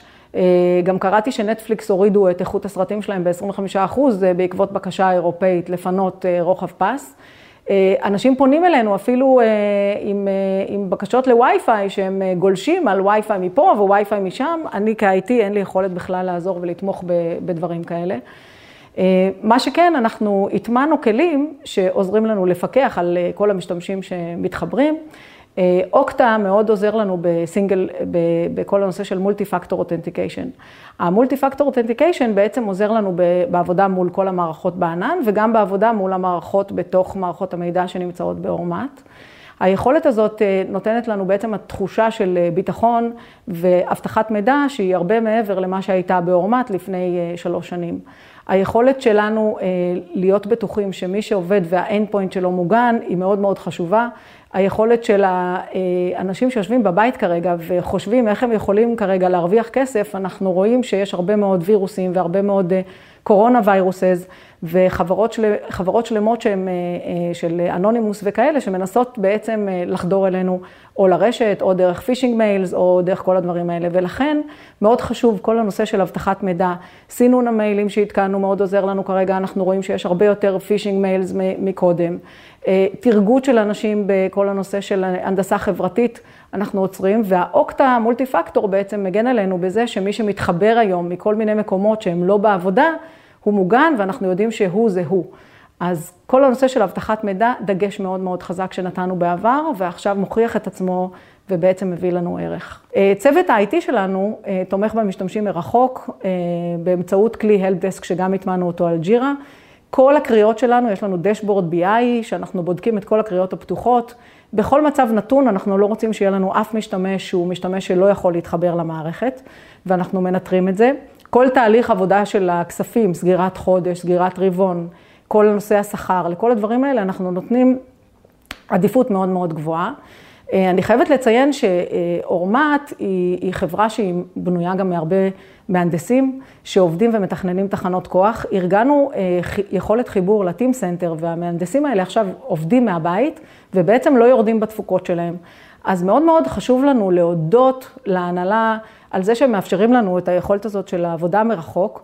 כמובן שהכל מתאפשר באמצעות ה-IT, אבל ארגונים היום נוקטים באמצעים מאוד מאוד דרסטיים כדי אה, לשמור על עצמם, ואנחנו, אה, כרגע יש לנו את הפריבילגיה של עבודה מרחוק, ואני מרגישה, יחד עם כל צוות ה-IT שלנו, שאנחנו צריכים להוכיח את עצמנו אפילו יותר, כי נתנו לנו פריבילגיה של לעבוד מהבית, זה לא מובן מאליו, אנחנו צריכים לתת יותר, צריכים לתת את כל מה שאנחנו מסוגלים, ולהיות, אה, לעזור לחברה שלנו בעמידות בתקופה הזאתי.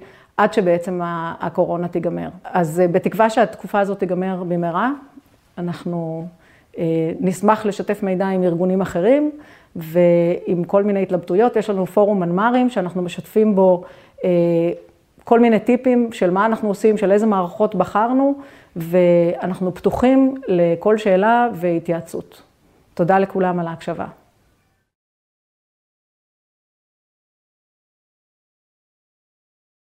שלום, נעים מאוד, אני דורית שר, מנכ"ל אקספריטי, ואנחנו מסייעים לארגונים לפתח אג'יליות ארגונית ולהיות מוכווני לקוח, כדי להעלות את שורת הרווח בעידן, בעידן משתנה.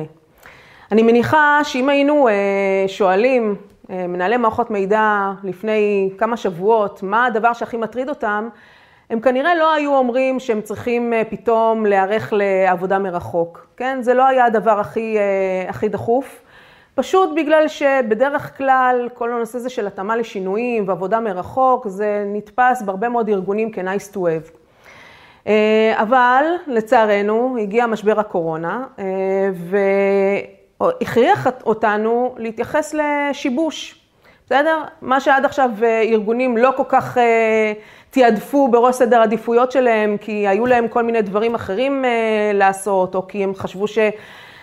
הכנה לשיבוש זה יותר עניין של nice to have, אז הקורונה הוכיחה ששיבוש זה לא רק בהתייחס לתחרות, זה לא רק בהיבטים פוליטיים, זה לא רק בהיבטים עסקיים, אלא נגיף הקורונה הכריח אותנו להתמודד עם זה. ולכן אני באה פה כדי לתת לכם איזה שהם כמה רעיונות לדברים שאתם צריכים לקחת בחשבון כשאתם נערכים בין אם זה לשיבוש הנוכחי וגם לשיבוש הבא שאנחנו לא יודעים בעצם מאיפה הוא יגיע. אז אני תמיד אוהבת לחלק את תוכנית הפעולה שלי לכמה שלבים. יש את התגובה הקצרה והמיידית, את התוכנית הפרקטית לכרגע, כאן ועכשיו, לטווח הזמן הקצר והמיידי, ויש את התוכנית שהיא קצת יותר ארוכת טווח. בואו רגע נתחיל מהטווח הקצר, הקצר והמיידי, שאני מניחה שחלקכם כבר נמצאים בתוכו, אולי כבר לקראת סופו. הדבר הראשון זה כמובן הנושא של היערכות לעבודה מרחוק. עכשיו, היערכות לעבודה מרחוק זה גם עבור הלקוחות וגם עבור העובדים. כל הרעיון פה הוא לא לייצר ואקום, כן? אם הלקוחות בעצם נמצאים עכשיו יותר בבתים, ומטבע הדברים לא יכולים להגיע לא לחנויות ולא לסניפים ולא לארגונים בעצם, אז הם נמצאים בבית והם נמצאים בערוצי הדיגיטל, הם נמצאים באתרים, הם נמצאים ברשתות החברתיות ואנחנו צריכים בעצם להגיע אליהם. עכשיו, יכול להיות שבטווח הזמן הראשון אנשים עדיין בשוק ובהלם וגרף המכירות בעצם יורד, כי לאנשים אין את המצב רוח, הם עוד לא התאפסו על עצמם, הם עוד לא יודעים מי נגד מי, אז הם מן הסתם ייטו פחות לקנות, אבל הם כן יצטרכו שירות ותמיכה. אז לפחות את המוקדי שירות ומוקדי התמיכה שלכם, אתם צריכים ב-SOS להעביר לעבודה מרחוק. שתיים, גם את העובדים, כמובן, כולם נמצאים בבתים, גם להם אתם צריכים לספק את כל המערכות, אם זה Slack, אם זה Zoom, אם זה Microsoft Teams, זה WebEx וכדומה. יש הרבה מאוד מערכות שמאפשרות בעצם עבודה מרחוק. אבל חשוב רגע להגיד שעבודה מרחוק זה לא רק עניין של טכנולוגיה, זה גם עניין של תהליכי עבודה ועניין של תרבות ארגונית, ולכן אתם צריכים בעצם להכין, יחד עם הנושא של המערכות, אתם צריכים בעצם להכין שגרות עבודה. לראות איך אתם גורמים לעובדים לשתף ביניהם, לעשות קצת ונטילציה, איך אתם גורמים, איך אתם עושים ישיבות צוות, איך אתם עושים ישיבות אחד על אחד, בכלל, מה הם זמני העבודה שאתם בעצם מארגנים או מתווים כשכולם עובדים מהבית. יש כל מיני רעיונות או כל מיני אספקטים שאתם צריכים לחשוב עליהם בנושא של עבודה מרחוק שמעבר לטכנולוגיה. אוקיי, אז זה הנושא של העבודה מרחוק. האספקט השני הוא תקשורת. היום אה, הרשתות החברתיות והטלוויזיה והעיתונות והוואטסאפ והכל מלא באינסוף אינפורמציה ומידע, אה, והוא לא תמיד מידע אה, מהימן ומעודכן. ופה, שוב, נוצר ואקום, כי אנשים לא יודעים בעצם למי להאמין. אז מה שאתם יכולים לעשות כחברה, זה בעצם לקחת אחריות על הדבר הזה, ולהיות בעצם המבוגר האחראי שמספק לעובדים שלכם מידע אמין, מידע זמין, ובעצם להראות להם שאתם יכולים, שאתם בעצם לוקחים את הבעלות ואתם דואגים להם. אז גם פה בעניין של תקשורת יש שתי סוגים של, של מערכות שאתם צריכים לדאוג להן. אחד, זה כמובן מערכת התקשורת הפנים-ארגונית, בעצם כמו שדיברנו קודם, והשני, המערכת, הסוג מערכת השני זה מערכת לניהול תקשורת עם הלקוחות שלכם. עכשיו, פה, בנושא של ניהול תקשורת עם הלקוחות, אז כמובן, לאפשר תקשורת במרב הערוצים, אם זה אס.אם.אס, אם זה מיילים, אם זה וואטסאפים, רשתות החברתיות וכדומה.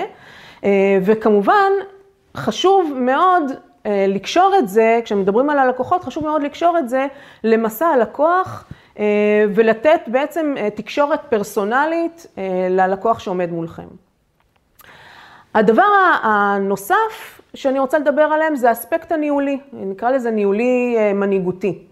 כן, יש לכם עובדים בבית, העובדים נמצאים במצב של אי ודאות כמו כולנו, חלקם פוטרו, חלקם נשלחו לחל"ת, הם לא באמת יודעים מה לעשות, ועכשיו זה הזמן שלכם בעצם להרים אותם, להוות עבורם את הגורם המחזק, את הגורם ש, שנוסך ביטחון, ותשאלו את עצמכם, מה העובדים שלכם זקוקים עכשיו? יכול להיות שהם זקוקים לרעיונות או לעזרה, מה לעשות עם הילדים. יכול להיות שיש להם איזה שהם בעיות כלכליות, שאולי אתם יכולים לעזור ולפתור אותם. יכול להיות שאתם יכולים לתת להם, לעזור באיזה שהם הלוואות בתנאים, בתנאים מועדפים. יש לכם פה את ההזדמנות בעצם לקחת מנהיגות ולשדר לעובדים שלכם שאתם באמת כמו משפחה. כן, תמיד אומרים משפחת חברה ככה וככה, משפחת ככה וככה, אז תנו להם באמת להרגיש, כמו שאתם דואגים למשפחה שלכם, תדאגו גם לעובדים שלכם. זה מה שנקרא בטווח הקצר. בטווח הבינוני ארוך יש עוד כמה דברים שאתם צריכים בעצם לדאוג להם, וזה בעצם להכין את עצמכם לטווח זמן שהוא אולי יותר משבוע-שבועיים, כן? אם חשבנו שהקורונה תיגמר תוך שבוע-שבועיים, אז חלק מהמקורות אומרים שזה לא המצב וזה יימשך למשך תקופה ארוכה יותר, ואז השאלה פה, מה אתם עושים? זאת אומרת, איך החברה שלכם מושפעת מזה, ואיך אתם צריכים להיערך למצב שהקורונה לא תיקח שבוע-שבועיים, או המשבר הזה, או ההסגר הזה, לא ייקח שבוע-שבועיים, אלא ייקח הרבה יותר זמן. אז מה, אז מה פה העניין? פה העניין הוא בעצם לפתח או לבנות תוכנית עבודה אג'ילית, שמתייחסת לכמה, שוב, לכמה אספקטים. אחד, שוב, נתחיל מהלקוחות שלכם. אז אם אמרנו קודם שבטווח הזמן הראשון, כנראה שאין מצב רוח לקנות, ואנשים עוד מתארגנים על מה לעשות עם החיים שלהם, ככל שזה יימשך, אז, ואנשים יהיו יותר בבית, אז הם ירצו לחזור מטבע הדברים לשגרת החיים שלהם, הם ירצו אולי לפצות את עצמם על זה שהם לא קנו עד עכשיו, אז הם ימשיכו עכשיו לקנות, או שבגלל שהם נמצאים בתוך הרשת החברתית, אז, והם רואים הרבה מאוד פרסומות לחברות שלא הפסיקו לפרסם, אז הם פשוט ייטו לקנות, רק שהם יעשו את הקנייה בצורה אחרת. אם קודם הם עשו את הקנייה בצורה פיזית והגיעו לחנויות, עכשיו הם פשוט יעשו את זה דרך הדיגיטל, אוקיי? ואתם צריכים לזהות איך אה, הלקוחות שלכם משנים את הרגלי הקנייה שלהם, איך הם משנים את תהליכי קבלת ההחלטות שלהם, ואיך אתם צריכים להתאים את הדרך שבה אתם מוכרים לצרכים של הלקוחות שלכם, אוקיי? עכשיו, כדי לעשות את זה, אתם צריכים תשתית דאטה. בלי תשתית דאטה, יהיה לכם מאוד מאוד קשה לעשות את זה. תשתית דאטה שבעצם אוספת אינפורמציה מכל ערוצי התקשורת, מכל הערוצים שהלקוחות שלכם נמצאים בהם.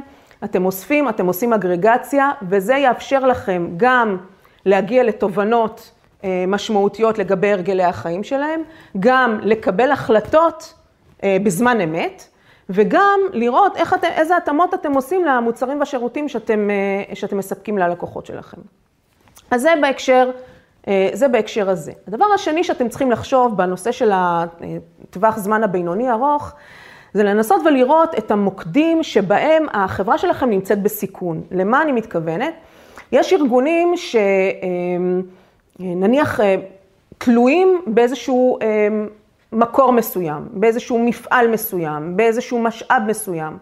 וברגע שנוצרת תלות במשאב מסוים, זה מהווה סיכון מאוד מאוד משמעותי עבור, עבור החברה. אז אתם צריכים למפות את כל המקומות האלה ולראות איזה אופציות יש לכם כדי לנתק את התלות הזאת. לדוגמה, אם אני מדברת עכשיו עם, אה, אה, אליכם, מנהלי מערכות המידע, ואתם, לדוגמה, תלויים באיזשהו ספק מסוים שנותן תחזוקה למערכת קריטית בארגון, אז תשאלו את עצמכם איך אתם יכולים לנתק את התלות הזאת, איך אתם יכולים אולי להיעזר בספקים אחרים, זאת אומרת לפתוח, איך, איך אתם יכולים אולי אה, אה, להביא את הידע הביתה אליכם, להכשיר עובדים. ולתת להם את ההזדמנות ללמוד. יש להם עכשיו זמן ללמוד, אז בואו תראו איך אתם יכולים לנצל את ההזדמנות הזאת ולהביא ידע אליכם הביתה ולהכשיר את העובדים, כדי שלנתק את התלות הזאת של אה, אה, תלות בספק אה, מסוים. וכן הלאה. זה הנושא של, של התלות. דבר נוסף שחשוב מאוד לחשוב עליו, זה איזה תהליכים מתבצעים היום בצורה ידנית, בין אם על ידי הלקוחות שלכם, או בין אם על ידי העובדים, ויש לכם את האופציה, או כדאי מאוד, שתעבירו אותם לתהליכי סלף סרוויס, שירות עצמי ודיגיטל, כן? כי ככל שתעשו את זה, שוב, אתם מורידים תלות ומקלים על, האנשים, אם זה לקוחות, אם זה עובדים, כדי אה, להשלים את המשימה, אוקיי? אז גם את זה אתם צריכים לעשות איזשהו מיפוי של כל המקומות שבהם מתבצעים היום תהליכים אה, ידניים, ולנסות אה, ולראות מה מבין כל התהליכים האלה הם הכי קריטיים, ואם נטפל בהם, היחס של העלות תועלת הוא הטוב ביותר, וזה גם יוריד את הסיכון של המשך הפעילות של החברה שלכם. עוד משהו שחשוב לחשוב עליו, זה ככל שהסגר הזה, נקרא לזה ככה, יימשך יותר ויותר, אז ארגונים יצטרכו גם אה, לגייס עובדים חדשים ואולי אה, להכשיר עובדים מרחוק, להדריך אותם מרחוק. השאלה אם יש לכם את המערכות שמאפשרות להם אה, לעשות את זה. וככל שאין כאלה, אז כדאי לכם להיערך גם לזה. שוב, זה בתוכנית של הטווח זמן הבינוני, בינוני ארוך.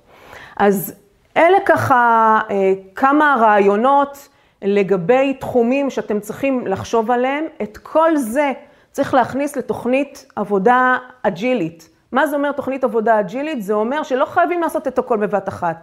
צריך למפות ולתעדף ולהתחיל להוריד דבר דבר מהרשימה, אה, וכל אה, משימה שאתם תשלימו וכל נתון חדש שאתם תאספו, אה, יעזור לכם להתאים ולכוון או לדייק את התוכנית שלכם בצורה הרבה יותר טובה. אה, ככה שתוכלו לצאת גם מהמשבר הזה וגם המשבר הבא הרבה יותר, אה, הרבה יותר חזקים. אז אני מאחלת באמת לכולכם אה, בריאות טובה וחזרה לשגרה בריאה, מהר ככל האפשר, שתצאו כולכם מחוזקים מה, מהמשבר הזה. ואם יש מישהו מכם שרוצה להתייעץ, בין אם בלהכין את התוכנית אה, עבודה האג'ילית הזאת, או בלהכין תשתית דאטה, או בלעשות דיגיטציה לתהליכים קריטיים בארגון, אני וצוות אקספריטי נשמח לעמוד לרשותכם, אתם מוזמנים לפנות, ושיהיה לכולנו רק בשורות טובות.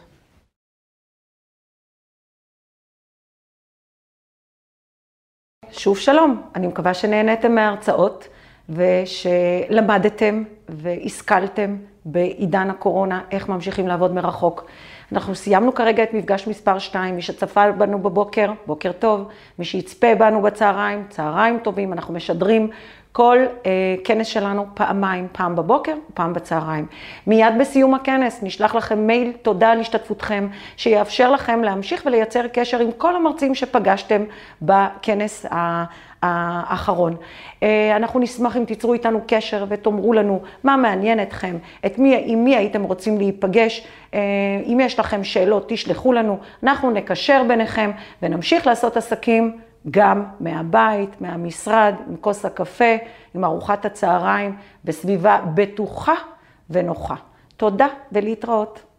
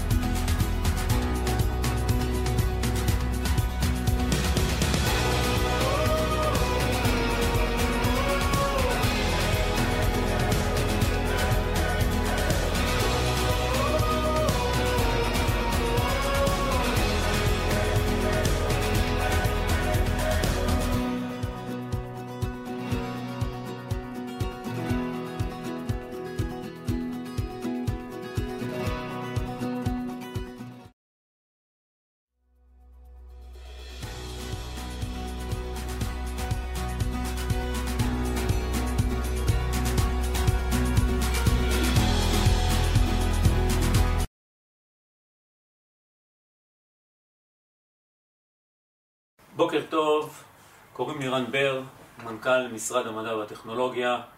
אני שמח לפתוח איתכם את הבוקר היום. אה, נתחיל בקצרה לספר קצת על משרד המדע בשגרה, כדי שתבינו מה המשמעות של המעבר ב... אה, לעבודה בחירום, ובהמשך אה, נדבר על העבודה בחירום כחלק המרכזי של ההרצאה. משרד המדע והטכנולוגיה, חזון שלו להוביל את מדינת ישראל לפסגת המדע והטכנולוגיה העולמית כמנוף לצמיחה כלכלית וחברתית. במשרד המדע והטכנולוגיה יש ארבעה רגליים, הרגל הראשונה היא המחקר התרגומי. המחקר התרגומי יושב בין המחקר הבסיסי שמתבצע באוניברסיטאות למחקר היישומי-טכנולוגי שנמצא בתעשייה וברשות החדשנות. יש לנו אתגר מאוד מאוד גדול למצוא את המחקרים שיש להם פוטנציאל יישומי ולסייע להם, מה שנקרא בדד ואלי, להוביל אותם בדרך הזאת אה, כדי שיצליחו להיות אה, יישומיים.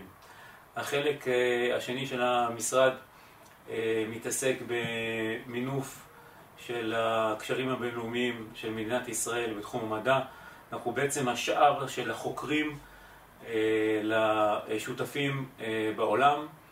החלק השלישי הוא הטמעת תרבות של מדע בארץ, מחד עידוד למצוינות, אה, ומאידך אה, הנגשה של מדע אה, לכל. הרגל הרביעית היא סוכנות החלל הישראלית שמתעסקת החל מתעשייה ועד לסוגיות של חברה וחינוך.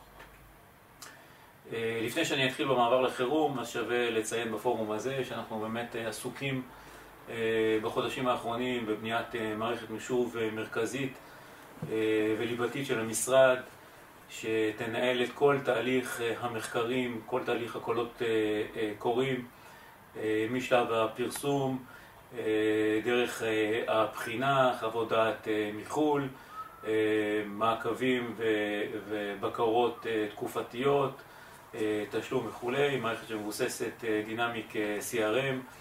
אה, ופורטל אה, חיצוני שמבוסס אה, קוד פתוח, אחד מהדגלים שהנפנו במשרד והוא מאוד חשוב לנו. המערכת הזאת בהמשך תשב, אני מעריך, בכל, בכל יחידות המדענים, המדענים הראשיים במשרדי הממשלה. טוב, נעבור לתמונת מצב ואיך אנחנו התמודדנו במשרד אה, עם המעבר לעבודה בחירום אה, בקורונה. אז אה, כמו בכל תהליך נכון, כדי לדעת אם הצלחת או כדי לכוון את המאמצים למקום הנכון, מגדירים מטרות ויעדים, ואנחנו הגדרנו ארבע מטרות מרכזיות. אחד, לאפשר רציפות תפקודית לכל הפעילות שעדיין נמצאת אה, וקיימת ומתפקדת, בעיקר בסוגיית של אה, אה, מחקרים שעדיין קיימים, ולאפשר את היכולת לשלם לספקים עבור עבודה שעשו ומתבצעת כיום. החלק השני, המטרה השנייה זה התגייסות למאבק, אנחנו נרחיב עוד בהמשך. המטרה הייתה לאתר וליזום מחקרים אקדמיים בתחום הקורונה על כל המגוון של מדעי החיים. אה, והחברה. המטרה השלישית היא מעבר אה, מפעילות אה, רגילה שכולכם מכירים לפעילות מקוונת, להסב את כל האוריינות בקהילה לאוריינות דיגיטלית מקוונת בפרק זמן מאוד מאוד קצר ונתנו פה גם דגש מיוחד על הגיל השלישי. והיעד והמטרה הרביעית היא היערכות אה, אסטרטגית ליום שאחרי. ואנחנו פה אה, במשרד, אה, בכל ישיבת הנהלה שאני עורך, ועכשיו היא הפכה להיות ישיבת הנהלה מקוונת יומיומית, אנחנו מדברים על אתגרי היום ומה אנחנו עושים ליום שאחרי, מתוך הבנה שאנחנו אה, משרד שותף חשוב אה, אה, לצמיחה ולמינוף המשק כשנצא מהשלב החירום הזה. בתוך הסוגיה הזאת, בפרק קצר מאוד עברנו לעבוד מהבית. האמת שאופי עבודתו של המשרד אפשרה לנו לעשות את זה יחסית בצורה מהירה. אנחנו משרד דינמי, צעיר, מוכוון טכנולוגיה, כך שלרוב המנהלים יש יכולת להתחבר בבית או ממחשב נייד שנמצא אצל מנהלים ודרג שהוא פחות בכיר יכול להתחבר דרך טרמינל, הזדהות חכמה של כרטיס חכם שכולכם מכירים ממשרדי הממשלה, כך שבתהליך מהיר עברנו לעבודה מהבית, אנחנו מדברים היום על כך שמעל ל-90% מהעובדים שהוגדרו כחיוניים מתוך ה-30% בעצם מבצעים את עבודתם מהבית, באמת כמעט, כמעט ללא הפרעות. זה מחייב כן להיכנס לשגרה, לעבוד מתוך הבית, זה לא פשוט לעובד עצמו. נכנסנו שגרות עבודה, כמו שציינתי, אחת מהן זה באמת הסוגיה של ישיבות מסודרות עם כלים מקוונים, דיווחים מסודרים, הצבת יעדים ומשימות שבועיות, יומיומיות, ואני יכול להגיד שזה עובד מצוין. כמו שאמרתי, אנחנו יזמנו פנייה, יצאנו בקול קורא מהיר מאוד לקהילה המדעית בארץ, כדי שתסייע במחקרים מהירים, שזה לא דבר רגיל, אנחנו מדברים על שבועות וחודשים ספורים, לסייע בכל הרבדים של מחקרים שקשורים לקורונה, החל ממדעי החיים, דרך איתור וכלה במציאת חיסון וכל כל הדברים שמאפיינים את האתגרים שיש לנו במחלת הקורונה מצד מדעי החיים ומהצד השני כל מה שקשור למדעי החברה. אחד, זה התמודדות בחירום, מה שאנחנו עושים עכשיו, עם קהלים מגוונים ואיך אנחנו יוצאים כמדינת ישראל בצורה נכונה, טובה ומהירה למעבר לשלב, לשלב הבא. מבחינת מספרים, רק לסבר את האוזן, הגישו לנו תוך שבועיים 350 מחקרים, כ-200 מתוכם מדברים על מדעי החיים ועוד כ-150 מדברים על מדעי החברה. אני מקווה מאוד שנצליח בשיתופי פעולה שאנחנו עושים עם כל הגופים החברתיים, משרדי ממשלה הרלוונטיים, ותכף נדבר על מה אנחנו הולכים לעשות גם עם, עם חו"ל. אנחנו עשינו פנייה למדינות מובילות בתחום המדע בחו"ל. יש מדינות גם שפנו אלינו, אני רק אתן את הדוגמאות שתבינו את חוזקה של מדינת ישראל. אנחנו מדברים על גרמניה, צרפת, איטליה, צ'כיה, יפן, קוריאה, רוסיה ועוד, שמעוניינים לעשות שיתוף פעולה איתנו מהיר בתחום המחקרים שהזכרתי מקודם. נקודה נוספת שחשוב להכיר, בטח שמעתם בתחילת הדרך על מו"פ מיגל שנמצא בקריית שמונה בצפון, אחד מאוד מספרי מו"פ שאנחנו מחזיקים בפריפריות הגיאוגרפיות בארץ. הם פיתחו כבר לפני ארבע שנים חיסון דומה לקורונה העופות והם מבצעים בימים אלה הסבה לחיסון או תרחיף ללקיחה בפה, שזה בעצם השיטה, השיטה שלהם לבני אדם, נמצאים עכשיו בשלב של בדיקה אם זה עובד על בעלי חיים ואני מקווה שמהצפון, מקריית שמונה, תבוא הבשורה הטובה בפרק זמן יחסית קצר. גם תחום החלל התגייס לשני המנופים המרכזיים שלנו. אחד, אנחנו מדברים על בחינה של טכנולוגיות בנושא מיקרוגרביטציה כמנוף לבחינה של, או האצה, מנוף והאצה לבחינה של תרופות וגם בכל הסוגיה של הפעילות המקוונת. בעניין הזה היה אתגר שהוא לא פשוט לעבור מתהליך שהוא תהליך פרונטלי בעיקר, עם חוגים ופעילויות, ולהפוך אותם בפרק זמן מאוד מאוד קצר לעבוד באופן מקוון. אני יכול להגיד שהצלחנו גם להעביר חוגים לבני הנוער, תהליך של חונכויות שעושים סטודנטים לתלמידים ועוד ועוד, וזה עובד נפלא. פה הייתי מציין פרויקט שלנו שנקרא דיגיטלי, מופעל על ידי חברת סיסנט ביחד עם פרויקט להבה, שהעביר את כל הפעילות שלו לפעילות מכוונת, בדגש על הגיל השלישי, עם כל המורכבות שאתם מכירים בסיטואציה הזאת, וזה פשוט מדהים ומרגש כל יום מחדש. אני אסיים רק במה שקורה היום, שני לרביעי, יום חמישי. אנחנו בעצם פתחנו את יום המדע שהיה פרונטלי עד היום, ליום מדע הישראלי מכוון,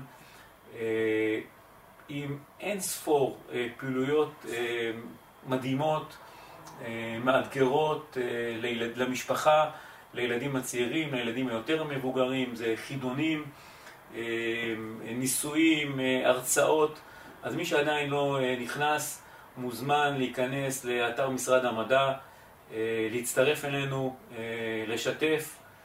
יום נפלא לעם ישראל, יום נפלא לידי מדינת ישראל, לכם ולנו. תודה רבה.